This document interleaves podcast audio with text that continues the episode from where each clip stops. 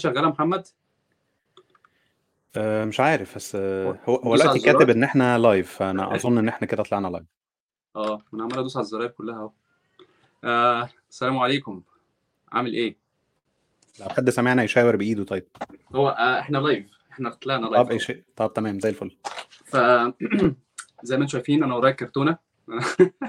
آه، ده ده ده room divider محمد كان كان بيسأل من شوية عليه. ف أنا قاعد في أوضة النوم بتاعتي بس طبعا عشان أنا لازم أستر نفسي فحاطط كرتونة. مش كرتونة هي room divider على شكل كرتونة. وطبعا بيدهن وبيبقى شكله حلو والكلام ده كله. أنت ممكن في آخر ف- الفيديو بقى لو جات لك شوية أسئلة مثلا من ناس عايزة تشوف إيه اللي ورا تروح زقها بإيدك بقى. لا طبعا. المهم محمد إحنا النهارده عايزين كنا عايزين نتكلم عن حوار ال... عن موضوع عن موضوع السفر و... و... وتعامل الناس معاه والكلام ده كله من الناحية بالظبط. الناحية الإنسانية والعاطفية. والدنيا وكده يعني. ف... ف... فأنا أنا ما بحبش أعرف حد أنت عارف هي قهوة فأنت بتخش الناس غالبا ما بتركزش قوي على نفسها على قد ما هو بتركز على الموضوع يعني. تخش على نفس القهوة بتخش ترمي تدلو بدلوك و... و... و... وتمشي. أو و... د- ب- مجرد بتقول مثلا أنا محمد بس خلاص مش آه. لازم بقى تقول ال history أنا مش بعرف نفسي كأني presenter يعني. آه. بالظبط بالظبط. إحنا مش هنا مش official يعني. ف... فأنت ممكن ت... ت... بس برضو بما إنك أنت برضو آه، يعني ب...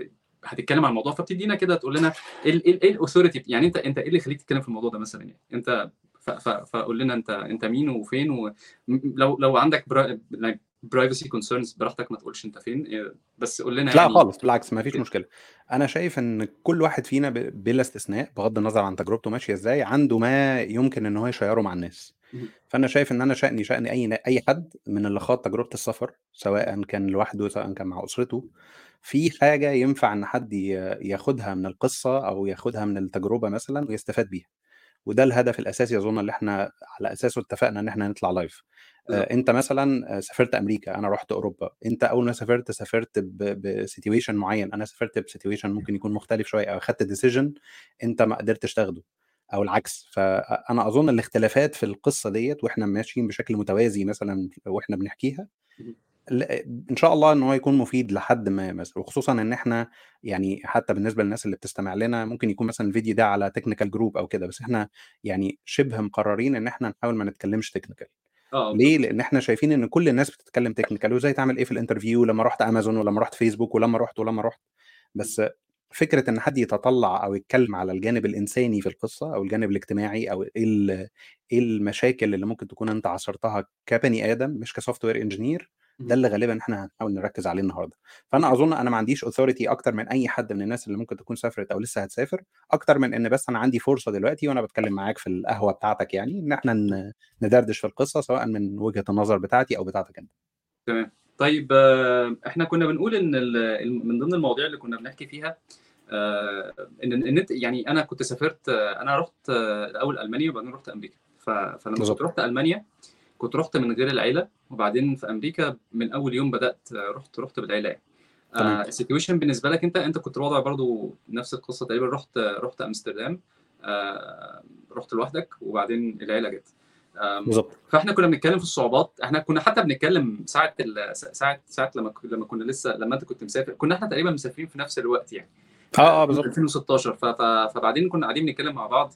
أنا بقول لك مش عارف إيه، أنا بعيط وأنت تعيط من الناحية الثانية فكل واحد فينا كان بيعيط من اتجاه اللي بالظبط من وجهة نظر مختلفة هو و situations مختلفة بس بس بس طبعا خلينا نقول إن عشان برضو الناس تبقى aware يعني ال- ال- الغربة كده كده ما هياش مزاج يعني الغربة ما هياش و- ومش و... وإن أنت بعيد عن عن الأماكن اللي أنت بتحبها عن ال- الفتة اللي أنت بتحبها عن المحشي اللي أنت بتحبه الكلام ده الكومفورت زون بكل جوانبها. آه بالظبط آه بالظبط بالظبط. يعني أنا كنت مثلا بحب أتمشى جدا في بحب أنزل أتمشى يعني. وبعدين جو بلدي ب... أنا بحبه يعني جو مصر يعني فاهم إزاي. فكان الموضوع ده بالنسبة لي مؤثر جدا لأن مثلا آه أنت بتمشي مثلا يعني أوروبا نظيفه قوي يعني فاهم إزاي؟ فبتمشي ما أنتش فين ريحة ال- القرف اللي الواحد متعود عليه؟ فاهم إزاي؟ هي يعني الواحد انت فاهم فاهم القصة دي. المهم إن انت المهم تعالى نرجع تاني للفيلم لا لا خالص خالص. أنا شايف إن إحنا لو هنتكلم مثلا في الموضوع ممكن أنا أنا في رأيي جزء من تحديات السفر هو أصلا اتخاذ قرار السفر.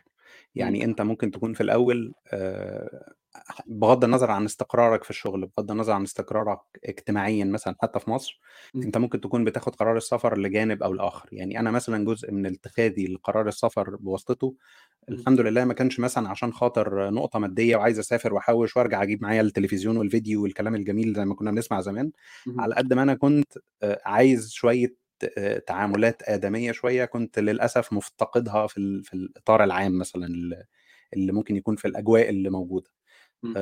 ده مش ذم في حد بعينه مثلا أو كده بس أنت بصفة عامة عارف أنت مثلا فكرة إيه؟ أنت نفسك وأنت بتشتري من حد مثلا ما تقعدش م. تخش في debate إن لو أنا ما كنتش ناصح وقعدت فاصل معاه فهو هيضحك عليا فلازم أنت كل حاجة بتحاول تعملها بتبقى متسلح من جواك كده ضمنيا بعنصر الفهلوة وعنصر ال smartness بقى وكل الحاجات دي.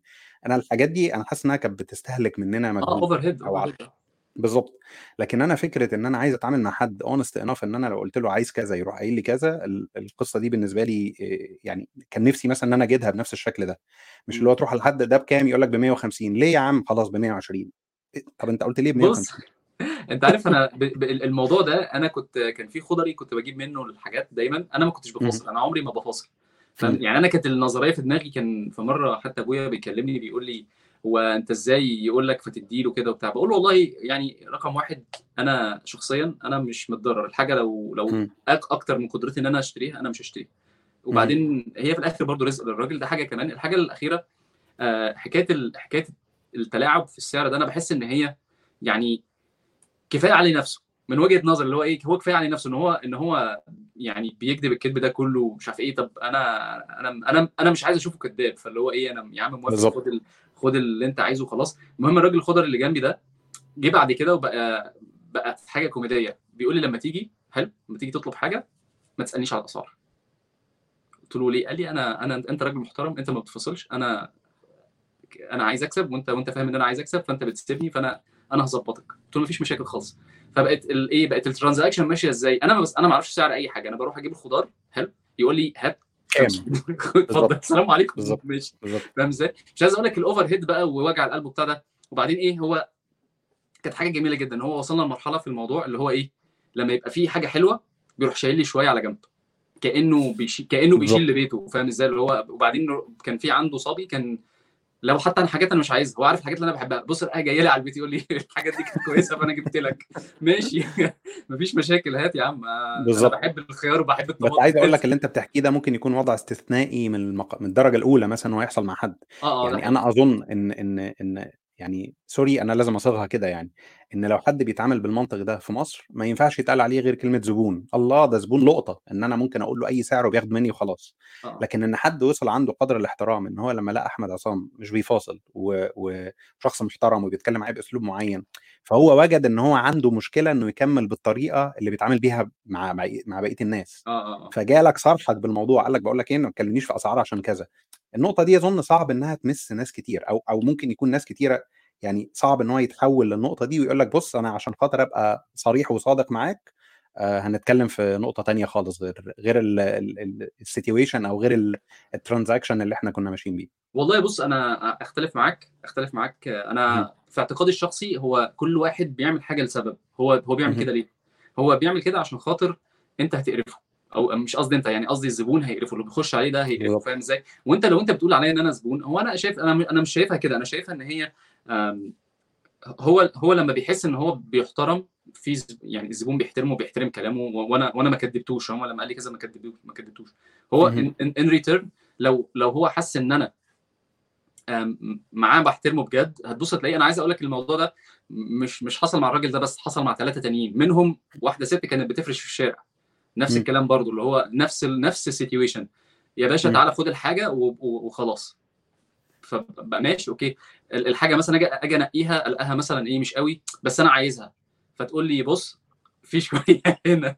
تروح جاية قايلة لي وهي هي فرشة في الشارع. هي واحدة بتجيب خضار من من الغيط ومش عارف إيه وبتاع وبتبيع. طب ماشي هات. ماشي خلاص. أنا أنا ما, عنديش مشاكل. شايف الحاجة بتاعتها كويسة وخلاص. وما عندهاش اضطرار إنها إنها تقول لك حاجة زي كده.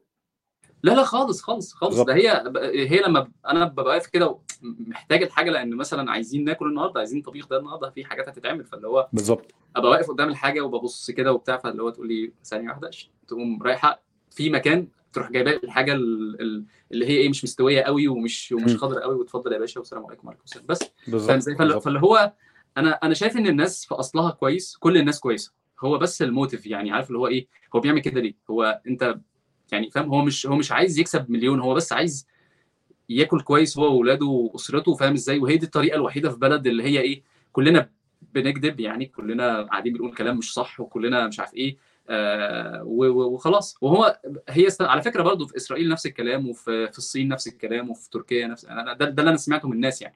أنا ما. رحتش ما رحتش الحتة دي ما أعرفش شكلها إيه بس الحكاوي برضو عن نفس الكلام. كل الأماكن اللي بيبقى فيها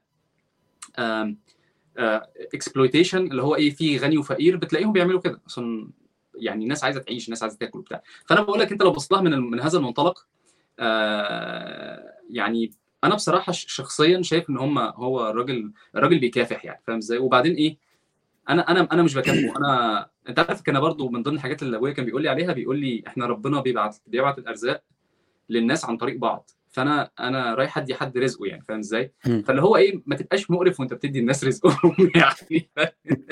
دي وجهة نظر يعني. ف...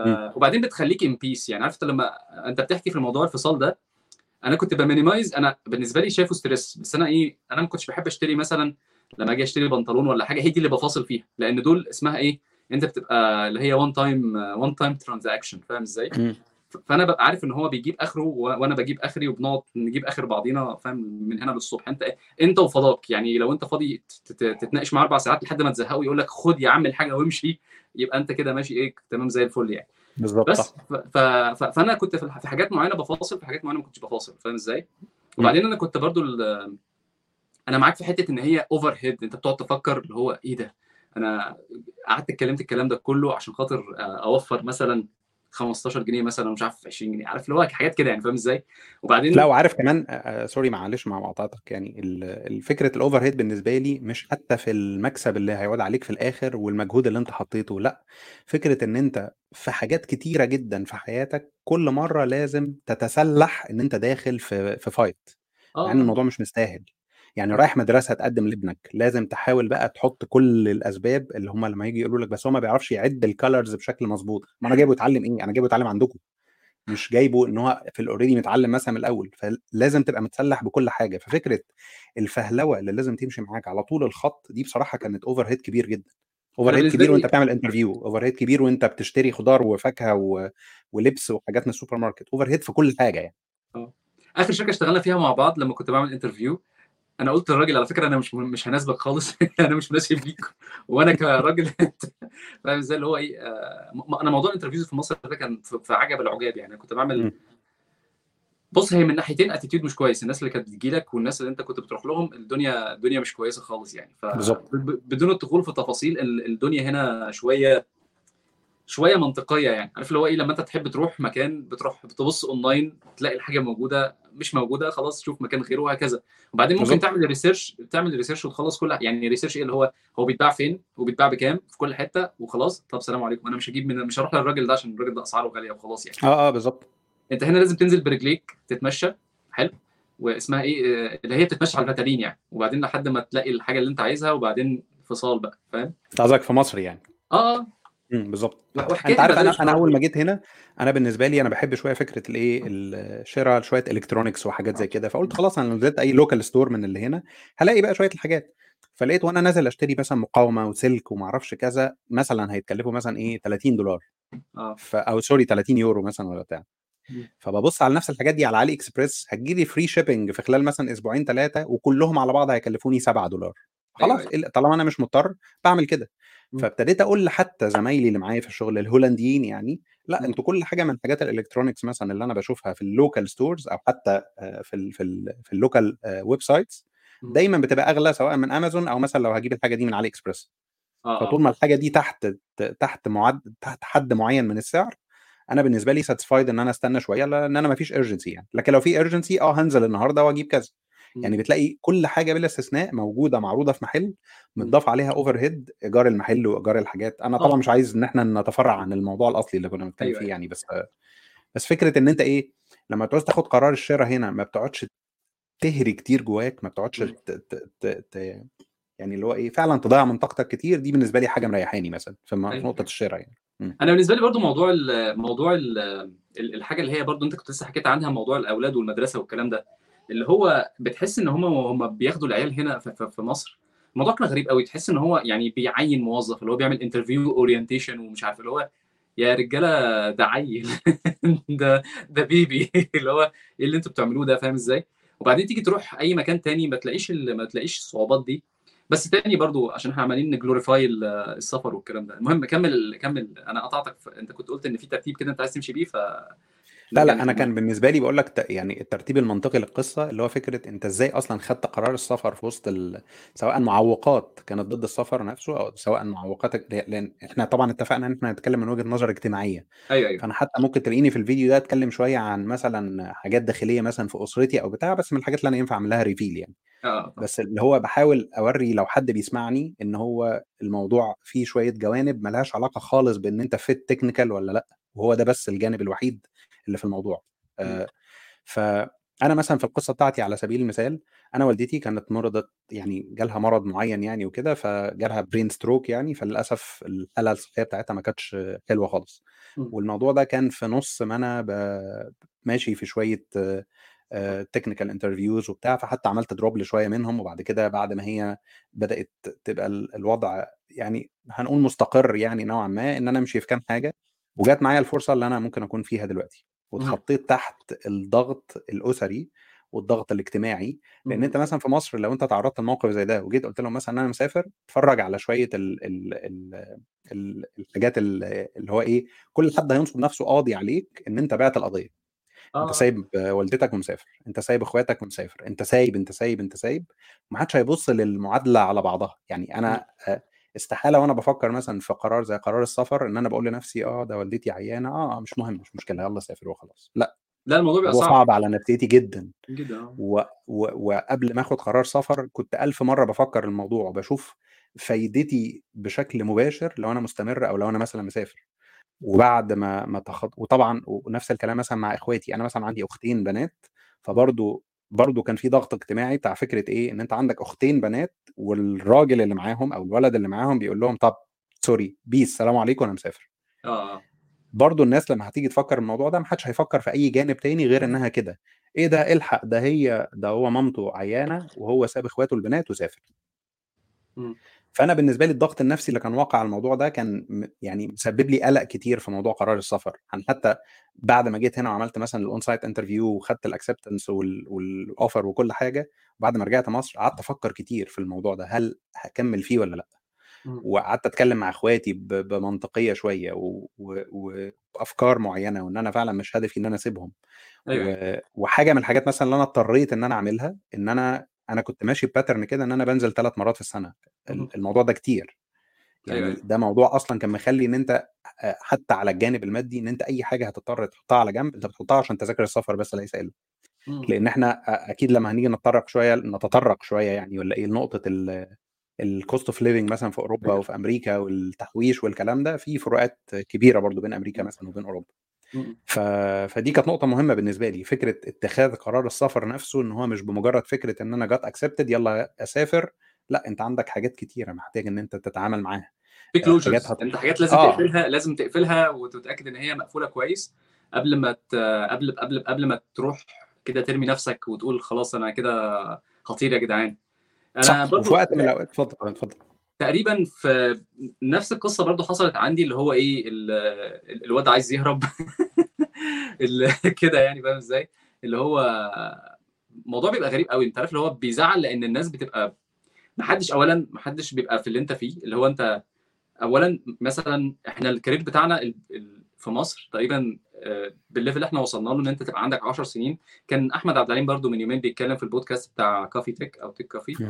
آه، عن ال T-shape كان بيتكلم بيقول إن هو إن أنت بعد 10 سنين مفيش حاجة ممكن تعملها في مصر خلاص يعني 10 سنين كده أنت وصلت للسقف ال technical في مصر وبتبقى بتدور بقى على بت recycle بقى ال knowledge بتاعك آه، أنت وظروفك يعني ممكن تنقل. مثلا تشوف technology تانية أو كده يعني بس ف... ف... وبعدين بتلاقي إن ال opportunity بره إن أنت ت grow بقى وبعدين بقى الشغل بقى كلام كبير و- وكلام بقى متنظم وحاجات منسقة والمش عارف إيه والكلام ده كله ف... فبتحس إن هو يعني المفروض يعني at least لو في شركات في مصر ما فيش مشاكل بس الدنيا مم. مش ماشية. الدنيا مش يعني خلاص ما بقاش ليك مكان وبتاع. فبتبتدي تدور بره. فالقصة بقى هنا إيه؟ إن أنت تبقى أنت تعبان حلو. إن أنت عندك opportunity أصلا. طيب ال opportunity دي موجودة موجودة من زمان. الناس من, من الناس من, من قديم الأزل بتسافر. من من 95 الناس بتسافر وتسيب مصر بالظبط صح. أنا ما بعملش حاجة غريبة يعني. فاهم إزاي. ف... فبتلاقي الناس بتقعد تقول لك أنت إيه ده؟ مش عارف إيه وتسيب ومصر أم الدنيا. طب أنا والله أنا مش معترض على أي حاجة من الحاجات دي كلها. وأنا وأنا على راسي آه بس أنا عندي شوية آه عندي vision معينة خاصة بي أنا لا عندي needs عايز ا fulfill it قبل ما أموت يعني. عارف اللي هو إيه؟ يعني أنا حتى لما كنا بنتكلم أنا وأحمد سليمان كنت قلت له يعني أنا بالنسبة لي مصر وصلت لمرحلة إن هي هي كبلد حلوة لل retirement يعني. الواحد خلاص خلصت يعني بالظبط. العيال خلاص اتجوزوا وأنا ما فيش عندي obligations ثانية أروح بقى خلاص بقى أشوف حالي بقى ممكن بقى إيه أشتري حتة مثلا مزرعة كده 5 متر في 5 متر وأقعد فيها وخلاص وأنا هقعد في هزرع الحتة دي وأكلها وخلاص هو ده اللي أنا عايزه مش عايز أكتر من كده. السلام عليكم يعني. بالظبط. بس ف الحتة اللي أنت بتتكلم فيها دي بتوجع قوي لأن الناس اللي حواليك كلهم بيبقوا بيدوك بالشلوت ومحدش يا جماعة طب ما تفهموا أنا بقول إيه يعني افهموا طب افهموا أنا عايز وأنا وأنا ما قلتش إن أنا هسيبكم يعني ما أنا موجود و... و... وك support هديكم support وكل حاجة بس برضه support وني يعني. كمل تاني يا باشا. معلش. لا لا بالعكس لا خالص. ف... فالفكرة إن أنت حتى بعد اتخاذ قرار السفر أنت ما بينك وما بين نفسك مع إنك أنت كأنك إيه يعني م justify لنفسك القرار بتاعت فكرة أنت عمرك ما هتسيبهم أنت على طول معاهم أو بتاع. بس فكرة وجودك على الطرف الآخر من التليفون ومفيش قدرة إن أنت مثلا تشوف الناس دي فيزيكلي إن والدتك مثلا حتى قدراتها مثلا في الكلام ما كانتش قوي فأنت لما تيجي تتكلم معاها في التليفون مش قادر تحسها. الموضوع ده كان ضاغط على الواحد مثلا نفسيا بشكل كبير بعد ما سافر. ولما أنت تيجي تتكلم مع حد ما حدش ابدا بيبص للجوانب دي. فأنا أنا كان هدفي يعني أنا هدفي إيه من ذكر مثلا الحاجات اللي ممكن تكون خاصة شوية دي؟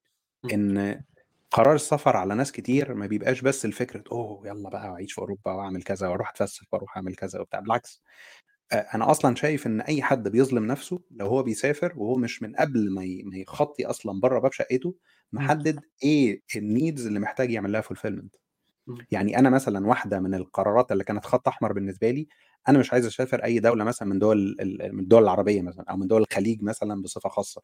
طبعا مش لأ مش لشا مش لحاجة معينة أو مش لعيبا لدولة مثلا عن أخرى. بس أنا بالنسبة لي كان كان أكتر حاجة وأظن الكلمة دي هتفتكرها أنت لما أنا قلتها كتير يعني أنا فكرة التعاملات الآدمية هي أكتر حاجة أنا كنت بدور عليها. فلما أنا كنت بفكر فكرة الكفيل وفكرة ما أعرفش كذا والتعاملات ولما حد ممكن يظلم حد ولما تروح ولا ده أنت قدام الشرطي لو أنت الجنسية الفلانية والجنسية الثانية بيفضل دي عن دي أنا بالنسبة لي فكرة العدل والمساواة وفكرة احترام الآخر والكده هي دي بالنسبة لي ال core need اللي أنا محتاج إن أنا أعمل له ال fulfillment دي. فلما لقيتها في حاجة زي مثلا أو لما دورت مثلا ولقيت إنها ممكن تكون موجودة بشكل كويس في أوروبا طبعا مش أوروبا ك continent أو كقارة كلها بس بعض الدول مثلا الدول الإسكندنافية الدول ال ال ال الغربية شوية اللي هي ممكن تكون فيها رقي شوية في ال في ال في المعيشة أو في التعامل. ووجدت إن هولندا واحدة من الدول دي فعشان كده كان بالنسبة لي قرار السفر لهولندا وقرار السفر للشركة اللي أنا هشتغل فيها ما كانش صعب بالنسبة لل fulfillment المواضيع دي. بس طبعا بما إنه كان قرار صعب فأنا هنا ممكن أتنقل ل stage 2 من فكرة قرار السفر اللي هي إيه؟ ال evaluation المبدئي لفكرة الدولة دي والشركة دي والمكان ده ينفع تأسس فيه أسرتك وينفع تكمل فيه كبني آدم ولا لأ okay. يعني أنا أنا لازلت حتى وأنا أنا ب... وأنا بفكر من بعيد هبقى بس باصص على محاسن الأمور زي ما أنت لما تروح تخطب واحدة أنت عمر ما حد لما بيروح يخطب بيبص على مساوئ قوي حتى لو كان عايز يبص على مساوئ بس هو دايما بتبقى العدسة عنده مت... متغمية بالمحاسن بتاعت الأمور. ده حقيقي. وبصفة عامة فترة الخطوبة دي هي فترة مثلا التجميل اللي هو كل واحد بيحط أفضل ما عنده والفيونكة الجميلة جدا وبيداري حاجات كتيرة ما بتبانش اللي بعد كده بالمعاملة. إحنا إحنا كده كدبنا كدب يعني. حوشنا كتير نجيب تورت وجاتوهات بس أنا ف... ف... فبالنسبة لي حتى بعد ما اتخذت مثلا قرار السفر وبتاع كان في مناقشة بيني وما بين مراتي اللي هو هل نسافر مع بعض من أول يوم ولا أسافر أنا لوحدي؟ فدي ممكن تكون نقطة حتى هتبقى جميلة إن إحنا نعرضها من وجهات نظرك يا يا ريت آه تتكلم. هو بص بصراحة الحتة دي كنت كان نفسي إن إحنا نتكلم فيها عشان بتبقى الناس دايما آه لو أنت هتسافر مع مع حد اللي هو ديبندنت حد يعني أنت بتصرف عليه والكلام ده كله الموضوع ده بيبقى كبير يعني وبيبقى معقد جدا. وبعدين لو الحد ده كمان بيشتغل ومحتاج يثبت نفسه والكلام ده كله الموضوع ده بيبقى عارف اللي هو يعني خلي بالك من ضمن الحاجات اللي الناس دايما بت بت بتبقى عايزة تسافر وخلاص إن أنت لو معاك زوجتك أو أو أو إن أنت مثلا هتتجوز وهتاخد مراتك معاك مثلا من ضمن المشاكل اللي هتواجهها هي هتروح تعمل إيه؟ فاهم إزاي؟ إن هي ما ينفعش ما ينفعش إن أنت تاخد حد من الدار للنار وبعدين تقول يلا إحنا كمان انت كمان هتعومي في ال في ال في ال في ال انت انت انت ده اختيارك بس هي برضه لازم تكون مشاركة بشكل كبير وتكون القرار ده متوافق عليه ابروفل بخمس اختام وماشي كويس يعني. لأن صح. لأن من من يعني أنا رحت أنا رحت ألمانيا لوحدي. خلينا نرغي شوية في الحتة دي أقول أقول البقين اللي أنا آه لا لا قول قول أدلو أدلو بدلوي.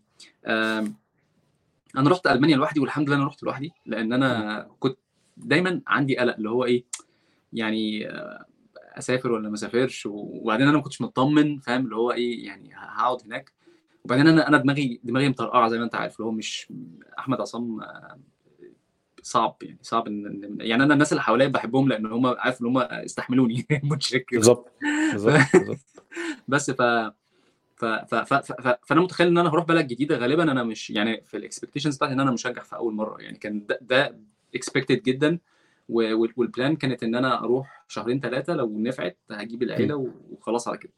آه طبعا يعني crash and burn في شهرين يعني فاهم إزاي؟ اللي هو رحت شهرين والدنيا ما مشيتش وبعدين قعدت حمدت ربنا جدا جدا إن أنا ما ما ما ما خدتش لا لا يعني أنا ما خدتش العيلة لو كنت خدت العيلة معايا كانت هتبقى مشكلة كبيرة إن أنت اولادك آه أنت هنا بتتكلم على ألمانيا.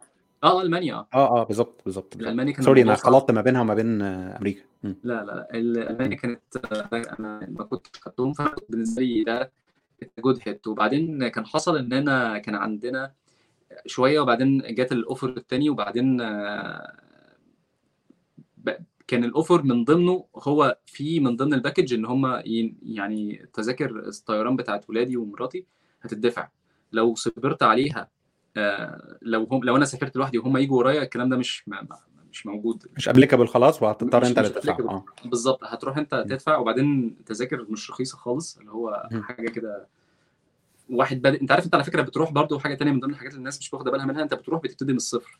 بتبتدي من الصفر أنت بتروح تجهز بيت تاني ففلوسك كلها بتخلص. whatever أنت محوشه في مصر ده بيعتبر عارف تسليك سنان. آه غالبا بتدين. غالبا يعني فاهم إزاي؟ أو بتستلف من الشركة أو آه. أو بتبيع بيتك في مصر أو أي حاجة من الحاجات يعني. أنا أنا اتدينت شوية في الأول عشان خاطر أعرف أطلع من ال من ال عارف اللي هو آه كأنك بتبتدي من الصفر أنا نفس الكلام أنا ال first step بالنسبة لي استلفت من واحد مثلا معايا آه. أعرفه. أيوه أيوه. ف... ف... في أمريكا بقى كان الوضع مختلف فأنا جبتهم من أول يوم. كان موضوع صعب جدا كان موضوع في غاية الصعوبة لأن أنا كان لازم مدارس بقى وتجري يمين وتجري شمال وبعدين كل الخبطات جت مرة واحدة اللي أنت بتجهز بيت وبتدخل مدارس وبعدين مش مش نظام كأنك متجوز بقى جديد لأ ده أنت في نص الطريق الطريق ده وقع حفرة اختفى وبعدين بتبتدي من نص الطريق من حتة ثانية فكمية بقى بتجري يمين وتجري شمال. وقصص كده وبعدين إيه في حاجات صغيرة جدا رفا... حاجات رفايع يعني مثلا اللي هو إيه ممكن تبقى تجهز البيت كله وبعدين نسيت تشتري معالق فاهم إزاي؟ ف... بتروح قاعد اللي هو صباح الخير. فاهم؟ بتفضل تكمل في حياتك الفتافيت الصغيرة دي. فاهم إزاي؟ لحد بتاخد لك مثلا سنة. الفتافيت دي بتكمل بعد كده السنة بتبتدي إن أنت تقول آه يا جماعة إحنا استقرينا. برضه ال plan كانت include إن أنا لمدة ست شهور expectations إن أنا أرجع من أمريكا. يعني أنا ما كنتش رايح واللي هو أي دي بلدي وأنا قاعد بقى وخ... لا الكلام تبقى حاطط إيدي على قلبي. أنا راجل مغترب. ممكن في أي لحظة يحصل مشاكل البلاد هنا زي ما أنت شايف كده وترامب والكلام ده كله. في ثانية بتطرد يعني عارف اللي هو بالظبط صح. في, في 15 ملي سكند اللي هو يلا البلد دي اطلع بره أنتوا ولاد كذا وبتاع وخلاص يعني. فاهم اللي هو الناشوناليزم بيتشد بيتشد مع الناس ويقول لك هم دول اللي واخدين فلوسنا واكلين أكلنا ويعني كلام كده غريب يعني. بالزبط. بس ف ف ف فالموضوع بيبقى كأنك بتبتدي من الأول وبعدين المدارس. كنا برضو أنا عندي ولادي كانوا صغيرين جدا ولادي عندي أعمار مختلفة. الأعمار المختلفة دي كان فيها مشاكل.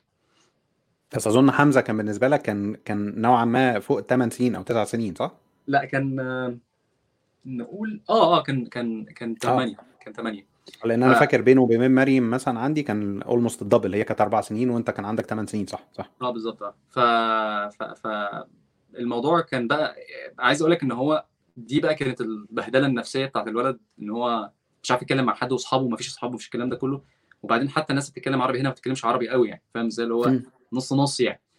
فبهدلة. الموضوع كان بهدلة ويعني وكان متعصب ومتنرفز وكانت حاجة يعني صعبة جدا. بس الحمد لله خلال ست شهور كان ابتدى يتكلم مع الناس اللي حواليه. يعني المدرسة بقى راح المدرسة فالمدرسة ابتدت إن هو يتعلم ابتدى كل يوم يلقط كلمتين ثلاثة شوية. بعديها بست شهور حياته بقت ما فيش فيها مشاكل.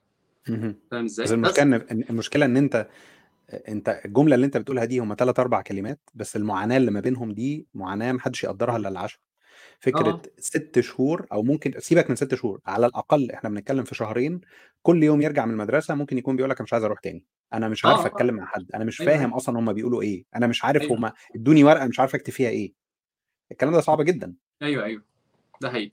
أنا فاكر إن أنا أول ما جيت وكانت معايا مريم أنا كده يعني عملت jump شوية بس يعني هرجع تاني هي بس عشان حتة relevant يعني. معلش ثانية مريم أنا شامم بتروح ريحة حاجة شامم ريحة حاجة بتولع فأنا عايز أروح أشوف لو في حاجة بتولع. أنا مش شامم حاجة فروح أنت شوف عندي يعني طيب عارف لا أعرف كرتونة دي بس خلاص خليها. هو لما يجي بقى إحنا نتصرف يعني. طب إيه تحبوا نتكلم عن إيه طيب؟ قد ما أحمد عصام يشوف الحاجة اللي ولعت يعني بحاول أشوف ال live comments آه... ت- آه، تضحك يا بوب. زي الفل. طيب كويس إن أنت شغلت نفسك وبصيت على ال- آه كنت ابص على ال comments يعني وزمايلنا المقربين بدأوا يكتبوا طبعا الكلام ال- الجميل يعني. آه عادي عادي عادي عادي يعني خالص. بص هو آه، كل واحد يتكلم زي ما هو عايز يعني هو لا لا أنا بهزر أنا بهزر يعني. يعني في في في بعض منهم في يعني هو ماشي في ماشي negative comments حصلت آه، فأنا مكبر دماغي منها خالص يعني. فعادي يعني. عارف انت اللي هو انت بتبقى ماشي انت لو عطست الناس هتلاقيها برضو في حاجات مش عاجباهم يعني. هو عادي يعني ماشي آه آه آه فاهمك. آه، بالظبط. الواحد هنا اتعود إن هو ما ي... مش كل حاجة هتعلق عليها يعني. انت عندك طاقة عندك ب 50 قرش طاقة فال 15 ب 50 قرش طاقة دول مش مش مش ما انتش محتاج ان انت تضيع وقتك يعني. آه بس هي على يعني على فكرة الواحد مش متضايق خالص من الموضوع آه. دوت يعني. طيب انت انت أصلا تحب ان إحنا نبص على ال comments دي في الآخر أحسن عشان ن go through الحتة دي والله ممكن ولا؟ ممكن نبص بسرعة كده يعني نبص okay نشوف آه، ممكن آه، حد بيقول لك آه، تيشيرت حلو ماشي الصوت حلو ماشي. آه. لا ما ما هو باسم فاضي بقى خد بالك؟ هو آه. باسم جايب جايب طبق لب وال- والبيبسي بتاعه فاضي لينا النهارده. طيب محمد شحاته بيقول لك عندكم تقدروا تعرفوا السعر عن طريق ال inbox هو فعلا موضوع ال- ال e-commerce في مصر واخد اتجاه تاني موضوع إن إن واتساب الحاجة بتتباع عليه أنت ممكن تلاقي اللي أنت عايزه ومش عارف إيه الكلام ده كله يعني. آه وبعدين برضو محمد شحاتة كاتب كلام برضو بيقول لك آه إن أصعب حاجة فعلا إنك تسيب أهلك. آه ولو حد فعلا دي من ضمن المشاكل. أنا أعرف ناس كتير قوي حصل لهم حالات وفاة وما كانوش جنب اهليهم و- وطبعا يعني فكرة الندم إن أنت على حد مثلا إن أنت ما شفتوش قبل ما يموت والكلام ده كله يعني. فالواحد بيقول الواحد بيقولها كده بس هو الموضوع صعب يعني فاهم إزاي؟ أنت بتصل بيك يقول لك أبوك مات ف أو أو أو أو, أو أي حد مات وبتاع. بت... عشان توصل أو أو أبوك في المستشفى عشان توصل عقبال ما بتوصل يعني الموضوع بيبقى خلص يعني. فاهم حتى لو مم. انت حتى لو أنت في يعني مثلا أوروبا خمس ساعات بالطيارة بس الموضوع مش انت مش بتدوس على زرار بتلاقي طيارة يعني. انت ممكن تبقى عشان توصل محتاج 12 ساعة مثلا. وبالنسبة لي أنا عشان أوصل محتاج 24 ساعة على الأقل فاهم إزاي؟ فاللي هو الموضوع. بتلاقيه بتلاقيه صعب يعني. حتى الواحد لما بتنفس عارف أنا مقشعر دلوقتي. اللي هو يعني آه هي تخوف لأن أنت الناس أنت بتحبهم بتبقى عايز توصل لهم دايما بيبقوا تحت إيدك على طول. بس يعني هي trade-off أنت بتبقى أنت في حاجات بينفع وفي حاجات ما ينفعش. آه بس فإحنا عشان خاطر إحنا بيبقى قدامنا ساعة فتعالى نكمل تاني نرجع تاني لل track. أنا مش شايف أي ما فيش comments في سؤال أو كده يعني. أوكي تمام. في سؤال واحد. آه خريج آه واحد بيسأل الخريج يسافر على طول ولا ياخد خبرة الأول؟ والله آه كده شغال وكده شغال يعني. آه هو على انت حسب هو هو بيقدم على إيه. يعني آه، أنت كده كده لو خريج سواء هنا أو يعني أنا في رأيي الشخصي لو أنت خريج وبتقدم على وظيفة مناسبة اللي معاك دلوقتي كخريج مش هتفرق سواء هنا أو أو هناك يعني. أنت كده كده هيبقى ما فيش حد متوقع منك إن أنت بتخش تطحن اللي قصادك. أنت هو عارف إن أنت خريج. فال expectations معروفة. لكن أيوه لو أنت أيوه already واحد مقدم مثلا على على senior position مثلا أو بتاع هو بيبقى عارف إن هو هيجيبك هيرميك في وسط المشاكل ويقول لك صلح الكلام دوت. أيوه أيوه. هي بيني وبينك آه ال- ال- التسامح في موضوع يعني هنا الغلطات عادي ممكن تغلط ما بص أنا في أنا غلطت أنا كنت شغال في شركة من اللي هي الكبيرة قوي اللي فيها مليار user والكلام ده كله وعملت مصيبة. عملت مصيبة مصيبة يعني إيه؟ لو أنا إيدي على المكتب بس أنا اترفدت يعني أنا مش مش هترفد أنا اترفدت يعني أنا قررت إن أنا اترفدت. ما. رحت كلمت مديري قال لي يا عم اقعد صلح الحاجة لو اللي تعرف تصلحه صلحه وانقذ ما يمكن انقاذه وخلاص يعني. بس ف... ف... ف... فدي كانت من ضمن الحاجات. أنا عايز أقول لك إن ال intern بيعملوا مصايب سوداء في intern يعني جاب ظرافها في مرة. يعني عارف كان في مرة من المرات الشركة الكبيرة دي كل حاجة وقعت. كل الدنيا كلها اتطربقت بسبب إن intern كان بيجرب حاجة والدنيا المركب ولعت. فاهم إزاي؟ فاللي هو لأ حتة ال... وكمان هنا فكرة اللي هي اسمها إيه؟ ما أعرفش internship يعني إيه بالعربي. يعني نسيت نسيت الكلمة بس هي internship آه اللي هي زي اسمها إيه دي؟ تدريب؟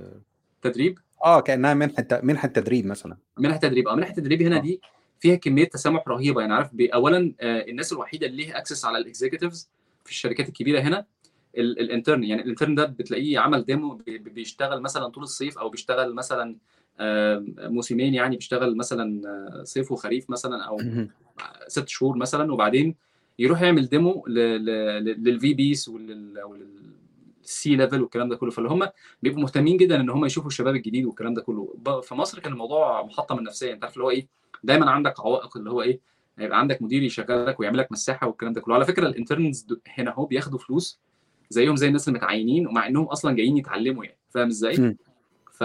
فأنا أنصح كل الشباب اللي في مصر حاولوا تاخدوا internship يعني على فكرة أنت هتحوش لك مثلا في الصيف حاجة بتاعت 10000 دولار زي الفل جدا ودول ترجع بيهم مصر عارف وما فيش عليهم ضرايب يعني هم مش بصراحة عشان برضو ما أعكش أنا ما أعرفش الضرايب عليهم شكلها إيه بس هو بيعتبر إن هو مش هو مش مواطن أمريكي ومش جاي ومش مش جاي يشتغل يعني ما هوش جاي على فيزا شغل جاي فيزا إن هو تقريبا student حاجة كده بيقعد شوية دول وبيرجع الفلوس كده كده هتبقى أحسن من مصر بكتير فاهم إزاي؟ فلو أنت مش عايز تتعلم ومش عايز تاخد خبرة تعالى عشان الفلوس. بس قدموا في ابل وجوجل وفيسبوك الشركات الصغيرة ال startups بي بيعينوا جربوا ألمانيا جربوا ألمانيا كان فيها كمية كمية انترنز جايين من الجزائر والمغرب مش طبيعية. أنا كنت ببقى مخضوض يعني هو كان في حتت كده اللي هو إيه يا جماعة في إيه؟ في كمان في مرة كنت في أسبانيا لقيت شارع في أسبانيا كله مغاربه وتوانسة اللي هو يا جماعة عايزين المصريين كده يسيطروا يعني فاهم؟ اطلعوا كده وشوفوا الدنيا يعني. هو فكرة إن أنت لا لا. لا خالص هو هو فكرة إن أنت لما بتروح بعض الدول حتى هنا في أوروبا يعني تلاقي مثلا شارع كله مثلا عرب وأغلبية جنسياتهم بتبقى مغاربة وتوانسة وكده لأن هو فعلا الجزء بتاع شمال أفريقيا دوت كان يعني في تسهيل شوية في إن هو يعدي يعني. على سبيل المثال مثلا من أكبر الجاليات اللي هي المسلمة مثلا هنا في هولندا هي الجالية التركية مثلا والجالية المغربية لكن أوه. مش المصرية خالص يعني أنت بتلاقي مصريين آه بتلاقي مصريين بس لا يقارن عددهم ابدا بالجالية اللي ممكن تشوفها جاية من المغرب مثلا أو جاية من تركيا أيوه أيوه هو صراحة هي يعني الواحد هنا اتعود إن هو أنا بطلت أدور على مصريين بقيت أدور على حد يكون إيه يعني يكون بيتكلم عربي ويكون أخلاقنا زي بعض يعني فاهم إزاي؟ لأن أنت برضو لقيت واحد مصري بس يعني عايش ال style أمريكاني فأنا أنا مش أنا مش interested في في الحياة دي يعني فاهم إزاي؟ أنا أنا جزء من ال يعني من الحاجات اللي بحاول برضو أعملها إن أنا أحافظ على ال identity بتاعتي أنا مصري وبتكلم عربي ومسلم و... و... وفيا العيوب بتاعه ال region بتاعي وأنا هي دي ال identity بتاعتي. أنا مش أنا مش بستعر منها ومش مكسوف منها.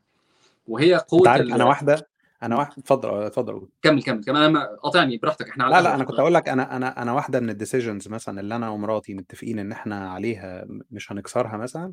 الكلام جوه البيت عربي. مفيش أوه. كلام بال English أيوة. مفيش كلام بالهولندي حتى لا يعني أنا أنا لسه ما اتعلمتش هولندي قوي يعني أنا حاجك على حاجة يعني. أنا أول حاجة اتعلمتها إن أنا أقول بالهولندي إن أنا ما بعرفش أتكلم هولندي عشان أخلي اللي قدامي switch يعني واخد بالك؟ فيعني لسه أول إمبارح كنت كنت مع مثلا مكالمة كده مع خدمة عملاء فهي بتتكلم إنجليزي بسيط قوي قوي قوي وأنا ما بكلمش هولندي قوي يعني فقلت لها إن أنا ما مش بتكلم هولندي وعملت فقالت لي بس أنت قلتها بطريقة كأنك ناطق الكلام كويس قلت لها ما هو هو أنا حافظ الجملة دي بس يعني لو عديت براها هقع ما فيش حاجة تاني يعني خليك بس لا بس ف... سؤال صغير الكلمة بتتقال إزاي؟ يعني بتقول له إيه يعني الكلمة إيه؟ وقولها انطقها يعني. بقول مثلا ik spreek geen Nederlands يعني ik spreek أنا مش أو أنا بتكلم geen اللي هي not I speak not مثلا Nederlands اللي هي هولندي مثلا. آه، okay. اللي هو كأنها I speak not Dutch مثلا ik spreek geen Nederlands طب يا عم بتاع سهلة يا عم تروح تتعلم وتخلص يا عم. لا ما هو سهلة ما أنا بقولها دلوقتي كده بس كان معاناة. أنا لما كنت أنا أنا فاكر أول ما جيت هنا وسكنت في مكان فالجزء أو المحطة اللي أنا بنزل فيها دي كان كلمة أنا قعدت فعلا بدون مبالغة ست ثلاث شهور مثلا عارف بحاول أعرف أنطقها. فلما حد بيجي يسألني بقول له إيه بقول له عارف المحطة اللي اسمها كذا؟ يقول لي آه بقول له اللي بعدها أنا ما أعرفش اسمها إيه أنا أنا أنا ساكن في الحتة دي. آه. الكلمة اسمها إيه بقى؟ بص حاول أنت بقى تقولها زي ما أنت عايز يعني. اسمها ستاتسخاوبرغ. أخ إيه ده؟ إيه ده يا عم؟ هي مالها عندهم كده حرف الخاء جميل يعني واخد بالك؟ في كل حتة. فهو الموضوع اسمها ستاتسخاوبرغ. ستاتسخاوبرغ دي أنا قعدت فعلا ثلاث شهور ما بعرفش أنطقها أصلا يعني. كل ما حد يقول لي مثلا ساكن فين أحس إن أنا ستاتسخاو ستاتسخيو عمال أحوج في يعني. اتجاهات مختلفة مش عارفة تيجي يعني. أيوه أيوه. ممكن تجاوب على السؤال اللي محمد بيسأله؟ بالنسبة لموضوع الأهل كمل يلا. اقرأ السؤال وجاوب عليه. طيب بالنسبة لموضوع الأهل المشكلة الأكبر يعني سمعت إن بعد فترة هل في option إنك تجيب الأهل زيارات أو يعيشوا معاك فترة؟ طبعا مش سهل لكن ممكن يبقى وسيلة لمسك العصاية من النص. آه طبعا ده سؤال جميل يعني. آه، بالفعل حاجة زي كده آه، آه، ممكن تكون جت في بالي بس يعني أنا ممكن أتكلم فيها من إيه من من زوايا مختلفة. يعني على سبيل المثال في, أجازة ممكن الصيف مثلا ثانية واحدة آه. ثانية اتفضل واحدة الموضوع ده هيجيب شوية مواضيع. فخلينا إيه خلينا نقول ال- الموضوع فاينانشلي عامل إزاي عشان أنت مثلا تنزل مصر. حلو عشان خاطر الموضوع ده هيجي هيجي إيه؟ لو أنا لو أنا بجيب حد من مصر أنا ما ينفعش أجيبه اخليه يصرف كل اللي وراه واللي قدامه عشان يجي يزورني يعني فاهم؟ يعني آه مش مش عدل ومش منطقي. فغالبا مم. لو أنا هجيب حد بيبقى بيبقى أنا بعزمه يعني فاهم؟ اللي هو إيه على حسابي بجيب الأوفر هيد عليا أنا م- لا يذكر مقارنة باللي قلت له تعالى وشيل نفسك. آه بالظبط. آه. دي حاجة. الحاجة الثانية إن أنت غالبا يعني مثلا هنا النظام عندنا في المكان في أمريكا مثلا أنت ممكن تجيبهم بتعمل الفيزا بتتعمل تقريبا خمس سنين فيزا اللي هي الزيارة دي و... و... وليهم إن هم يقعدوا ست شهور. ف... فمعظم الناس غالبا بتجيب طبعا. بتجيب الناس الكبار مثلا الأب والأم الجد والجدة بيجيبهم يقعدوا شوية وبتاع وبعدين إيه نظام بس هنا طبعا بتلاقي إن يعني أنا مش قصدي حاجة بس الناس بتجيبهم بي... بيشغلوهم اللي هم بيقعدوا مع العيال فاهم؟ ال babysitter هنا غالي فأنت جيب أنا. على على فكرة فعلا على فكرة ال babysitters دي فعلا يعني آه. مشهور كده هنا فكرة إن ال- اللي هو مثلا الجد والجدة دول ال free babysitters. أيوه بالظبط لأن آه. هو مع يعني أنت مثلا يعني أنا ليا كان صديق أردني آه، كان ربنا رزقه مثلا بطفل آه. وكان هو بيشتغل وزوجته بتشتغل وكده بس كان قرار الاستمرار في ظل التكلفة بتاعة مثلا ال- ال- اللي هي الحضانة مثلا أو أو ال أو ال أو اللي هي ال day care الموضوع ده كان صعب ما كانش سهل وكان هياخد فلوس كتير جدا وفعلا لما أنا بصيت عليه الموضوع كان هياخد فلوس كتير جدا ف... ف... ففعلا دي ممكن تكون حاجة من الحاجات اللي الجد والجدة بيشيلوا فيها حلو جدا هنا يعني. يعني أنا أنا جنبي في جاري مثلا أو جاري وجارتي يعني هم كبار في السن ففي بعض أيام في الأسبوع بتيجي حفيدتهم مثلا بتقعد معاهم. ليه؟ لأن مثلا الأب والأم مش هيقدروا وفكرة إن هم يجيبوا baby sitter أو حتى إن هم يودوها ال day care الموضوع. غالي جدا جدا جدا أكتر من الكام ضحكة اللي هم هيقولوها لبابا وماما. معلش خد خلي معاك البنت خلاص هو كده اشترى نفسه يعني. أيوه أيوه أيوه. في آه، في برضو حاجة تانية كنت عايز أقول إحنا بس مش ناسيين السؤال ده إحنا زي ما أنت قلت إن إحنا ممكن نتطرق ليه تاني يعني. أيوه أيوه. بس ما خلي هو أص... بالك أنا. بس أقترح عليك حاجة ممكن في النص كده آه. إن أظن فكرة السفر والحالة النفسية والكلام ده بعد ساعة إلا ربع دلوقتي إن إحنا أظن هنحتاج مرة تانية إن إحنا نتكلم فيها. ممكن آه الموضوع كده ممكن ما يكفيش يعني. لأن والله أنا ممكن لسه في حاجات كتيرة كنا عايزين نتكلم فيها يعني. ممكن ندراك شوية. إحنا. ال... ال- إحنا يعني ساعة هو الاوبتيمال آه، ممكن نزود ربع ساعة نص ساعة مثلا يعني آه، المهم ان, أنت من ضمن الحاجات برضو ان, إن هنا. يعني أنا من أنا واحد من الناس ال... ممكن تقول إيه آه، واحد بس هو اللي بيشتغل في البيت وواحد هو اللي بيدخل فلوس للبيت يعني ف... فالحياة بتبقى معايا نعم بقول لك أهلا وسهلا معايا في نفس ال- الوضع آه يعني بالظبط. ال- ال impact ده بيبقى عنده مشكلة إن أنت يعني إيه لو أنت بت compete مع جنسيات تانية في ناس في ناس طبعا عندهم بيبقى الاثنين بيشتغلوا. بس أنت لو في يعني لو في ناس مثلا عندهم مع الراجل والست بيشتغلوا فال- فالدخل بيتضاعف بشكل رهيب يعني. فاهم إزاي؟ آه المشكلة في إن أنت لو انت حبيت تجيب اهلك أو أو تسافر مصر انت كده بتقضي على إيه اللي هي اي فلوس انت شلتها هي كده خلاص راحت. فاهم إزاي؟ اللي هو إيه ال- الناس تقول لك انت قاعد في الغربة طول العمر ده ولسه ما اشتريتش برج القاهرة. فاهم؟ اللي هو اللي هو اللي هو يا جماعة والله هو هي الدنيا مش مش ماشية كده. هو في في قواعد كده هنا مثلا من ضمنها إن الضرايب هنا عنيفة جدا. الضرايب هنا تكاد تكون إن هي بتاخد نص نص المرتب بتاعك. آه عشان خاطر الخدمات اللي بتاخدها والكلام والصحة وال- والشوارع النظيفة كل كل ده الكلام ده بيدفع ثمنه بال بالظبط. من النص. يعني قبل ما الفلوس تجي لك بتكون نصها اتاخد مش يعني 30 40% منها بيتاخد. الموضوع في أوروبا اعنف بكتير. يعني أنا فاكر إن هي كانت 5 45% من يعني around بالظبط. 40 45% فكان ده شلوت بتاخده في دماغك. يعني إيه دايما بتبقى اللي هو إيه آم، لا أنا شاطر وهروح وهعرف أجيب ال هشتري جو- هشتري برج الجزيرة قريب يعني عارف اللي هو بالظبط. أول ما. بتروح هناك بتلاقي شوية ناس غلابة كده قاعدين على جنب يقول لك تعالى تعالى اقعد جنبنا يعني. بالظبط. فاللي هو إيه يا دوبك أنت إيه بتكتفي إن أنت تاكل وتشرب وكده إيه يعني الحياة زي الفل ومتشكر جدا وخلاص يعني. آه أنا ما أعتقدش إن حد هو طبعا في ناس بتبقى اللي ربنا بيكرمهم والدنيا بتفتح معاهم بس مش مش ال standard يعني مش مش الطبيعي إن أنت تلاقي الدنيا peace بقى وبتاع اللي هو إيه آه لو عايز تجيب أبوك وأمك وعمامك وخلانك والكلام ده ده يعني ده it's not an option عشان تجيبهم تحطهم في مكان. يعني مثلا في قوانين في أوروبا بتمنع إن أنت تعمل over crowding في المكان يعني عارف اللي هو آه إيه كل بالظبط بالظبط. كل فرد ليه 50 متر مثلا. ده كان تقريبا في ألمانيا تقريبا 25 متر تقريبا. ما ينفعش تحط ناس أكتر من كده في مكان يعني. إحنا هنا برضو كان نفس الكلام. أنا أصلا عايز أقول لك على حاجة كده كوميدية يعني إن أنا آه بعد ما قعدت هنا فترة وجبت مراتي وجبت بنتي يعني وقعدنا في الشقة اللي أنا فيها بص بالظبط الوضع كان كده يعني. كان بعد ما هم جم بحوالي شهر ونص شهرين وأنا already بدور على مكان تاني ننقل فيه يبقى أكبر شوية. فبقرا العقد اللي أنا بتاع الشقة اللي أنا حاليا فيها عشان أشوف مثلا ال notice period لما أجي أمشي وبتاع. فمكتوب بند من البنود كده إن إيه الشقة دي لفرد واحد فقط. آه. فانا اللي هو إيه لما بصيت بقى وعملت ليه؟ المساحة الشقة كانت حوالي آه، 45 متر.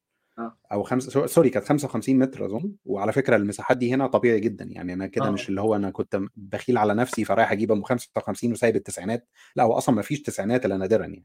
مم. فاللي هو الشقة اللي إحنا كنا فيها دي كانت ال- العقد كان بيقول إنها فرد واحد بس.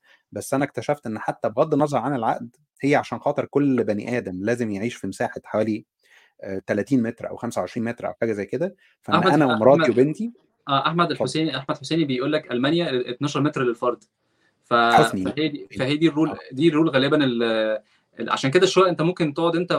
ومراتك أو انت أو ال girlfriend أو ال whatever اللي هو ال couple يعني يقعدوا في شقة 35 متر وده عادي جدا. الناس عادة في أوروبا ال- الناس ما بتقعدش في البيت يعني برضه من ضمن الحاجات. ال dining الناس بتخرج تاكل بره المطابخ هناك بتبقى يا دوبك تعمل كوباية شاي وخلاص يعني. مش معمولة عشان خاطر ال heavy use بتاعنا اللي هو إن أنت تعمل صينية محشي أو صينية مش عارف إيه. الكلام ده ده بالنسبة للأماكن اللي هي مش للأسر يعني بالنسبة لأماكن فرد واحد يعني أنت ممكن تلاقي مثلا مكان أنت واخد أوضة وحد تاني واخد أوضة والمطبخ shared ما بينكم والكلام ده بس ده ده طبيعة حياة مختلفة. لكن أنا مثلا في الشقة اللي كنت فيها في الأول اللي هي كانت صغيرة وبعد كده في المكان اللي أنا فيه دلوقتي لا المطبخ ينفع أطبخ فيه أو كل حاجة بس كله على بعضه. يعني أنت المطبخ بمكان الأكل بال living هو كله أصلا عبارة عن 3 في 6 أو 3 في أيوه. 5 هو ده بس المكان كله. طيب آه، في آه، إبراهيم عوض آه، كاتب إحنا مش بنعرف نعمل مجتمعات متماسكة في الغرب زي الجاليات اللي بنشوفها سواء عرب أو آسيويين. أنا ممكن أتكلم عن الناحية اللي أنا فيها. هو في هنا شلل يعني في شلة group فبتلاقي مثلا هنا في ناس PH PhDs كتير جدا. الناس بتيجي هنا يعملوا دراسة وبعدين يعملوا مثلا ماجستير وبتاع وبعدين يشتغلوا ويكملوا هنا. ف فبتلاقي كده group ال PhDs عارف؟ بعدين عندك group تاني group جامعة عين شمس. في ناس هنا من جامعة من جامعة اسكندرية كتير جدا. group مع بعض. فاهم إزاي؟ ال groups دي بقى عارف عاملة زي إيه bubbles كده أنت مش بسهولة بتخش فيها. فاهم؟ اللي هو إيه يعني مثلا هم عندهم زي ما تقول كده ال events بتاعتهم وعندهم مش events بيتجمعوا بيقابلوا بعض وعارفين بعض من زمان ومش عارف إيه والكلام ده كله. ف... فبيبقى أنت صعب كواحد بقى جديد. أنا واحد بقى جاي من مصر أنا كنت شغال آه، ميك... آه، ميكانيكي software فاللي هو أنت جاي هنا. أنت عارف هم يعني هم من زمان مع بعض. فاهم انت اللي هو. جاي جديد. أنت اللي جاي جديد. وهم ما ما حدش يعرفك يعني. فاهم إزاي؟ وبعدين عايز أقول لك إن برضو في group بتاع الجامع وفي group في قهوة هنا في ريدوود سيتي في برضو فيها مصريين. في شوية مصريين في كل حتة بس أنت عشان تكسر ده وت- وتنط جوه ال bubble دي بيبقى يعني صعب جدا. أنا بالنسبة لي اللي هو ال effort أنا مش هزم أنا مش هحط effort عشان أعرف ناس وعشان أخش جوه جوه الدايرة دي. يعني هو إيه لو حصل إن أنا عرفت حد سلام عليكم وعليكم السلام وخلاص وإحنا كده زي الفل وحلوين و... و... و...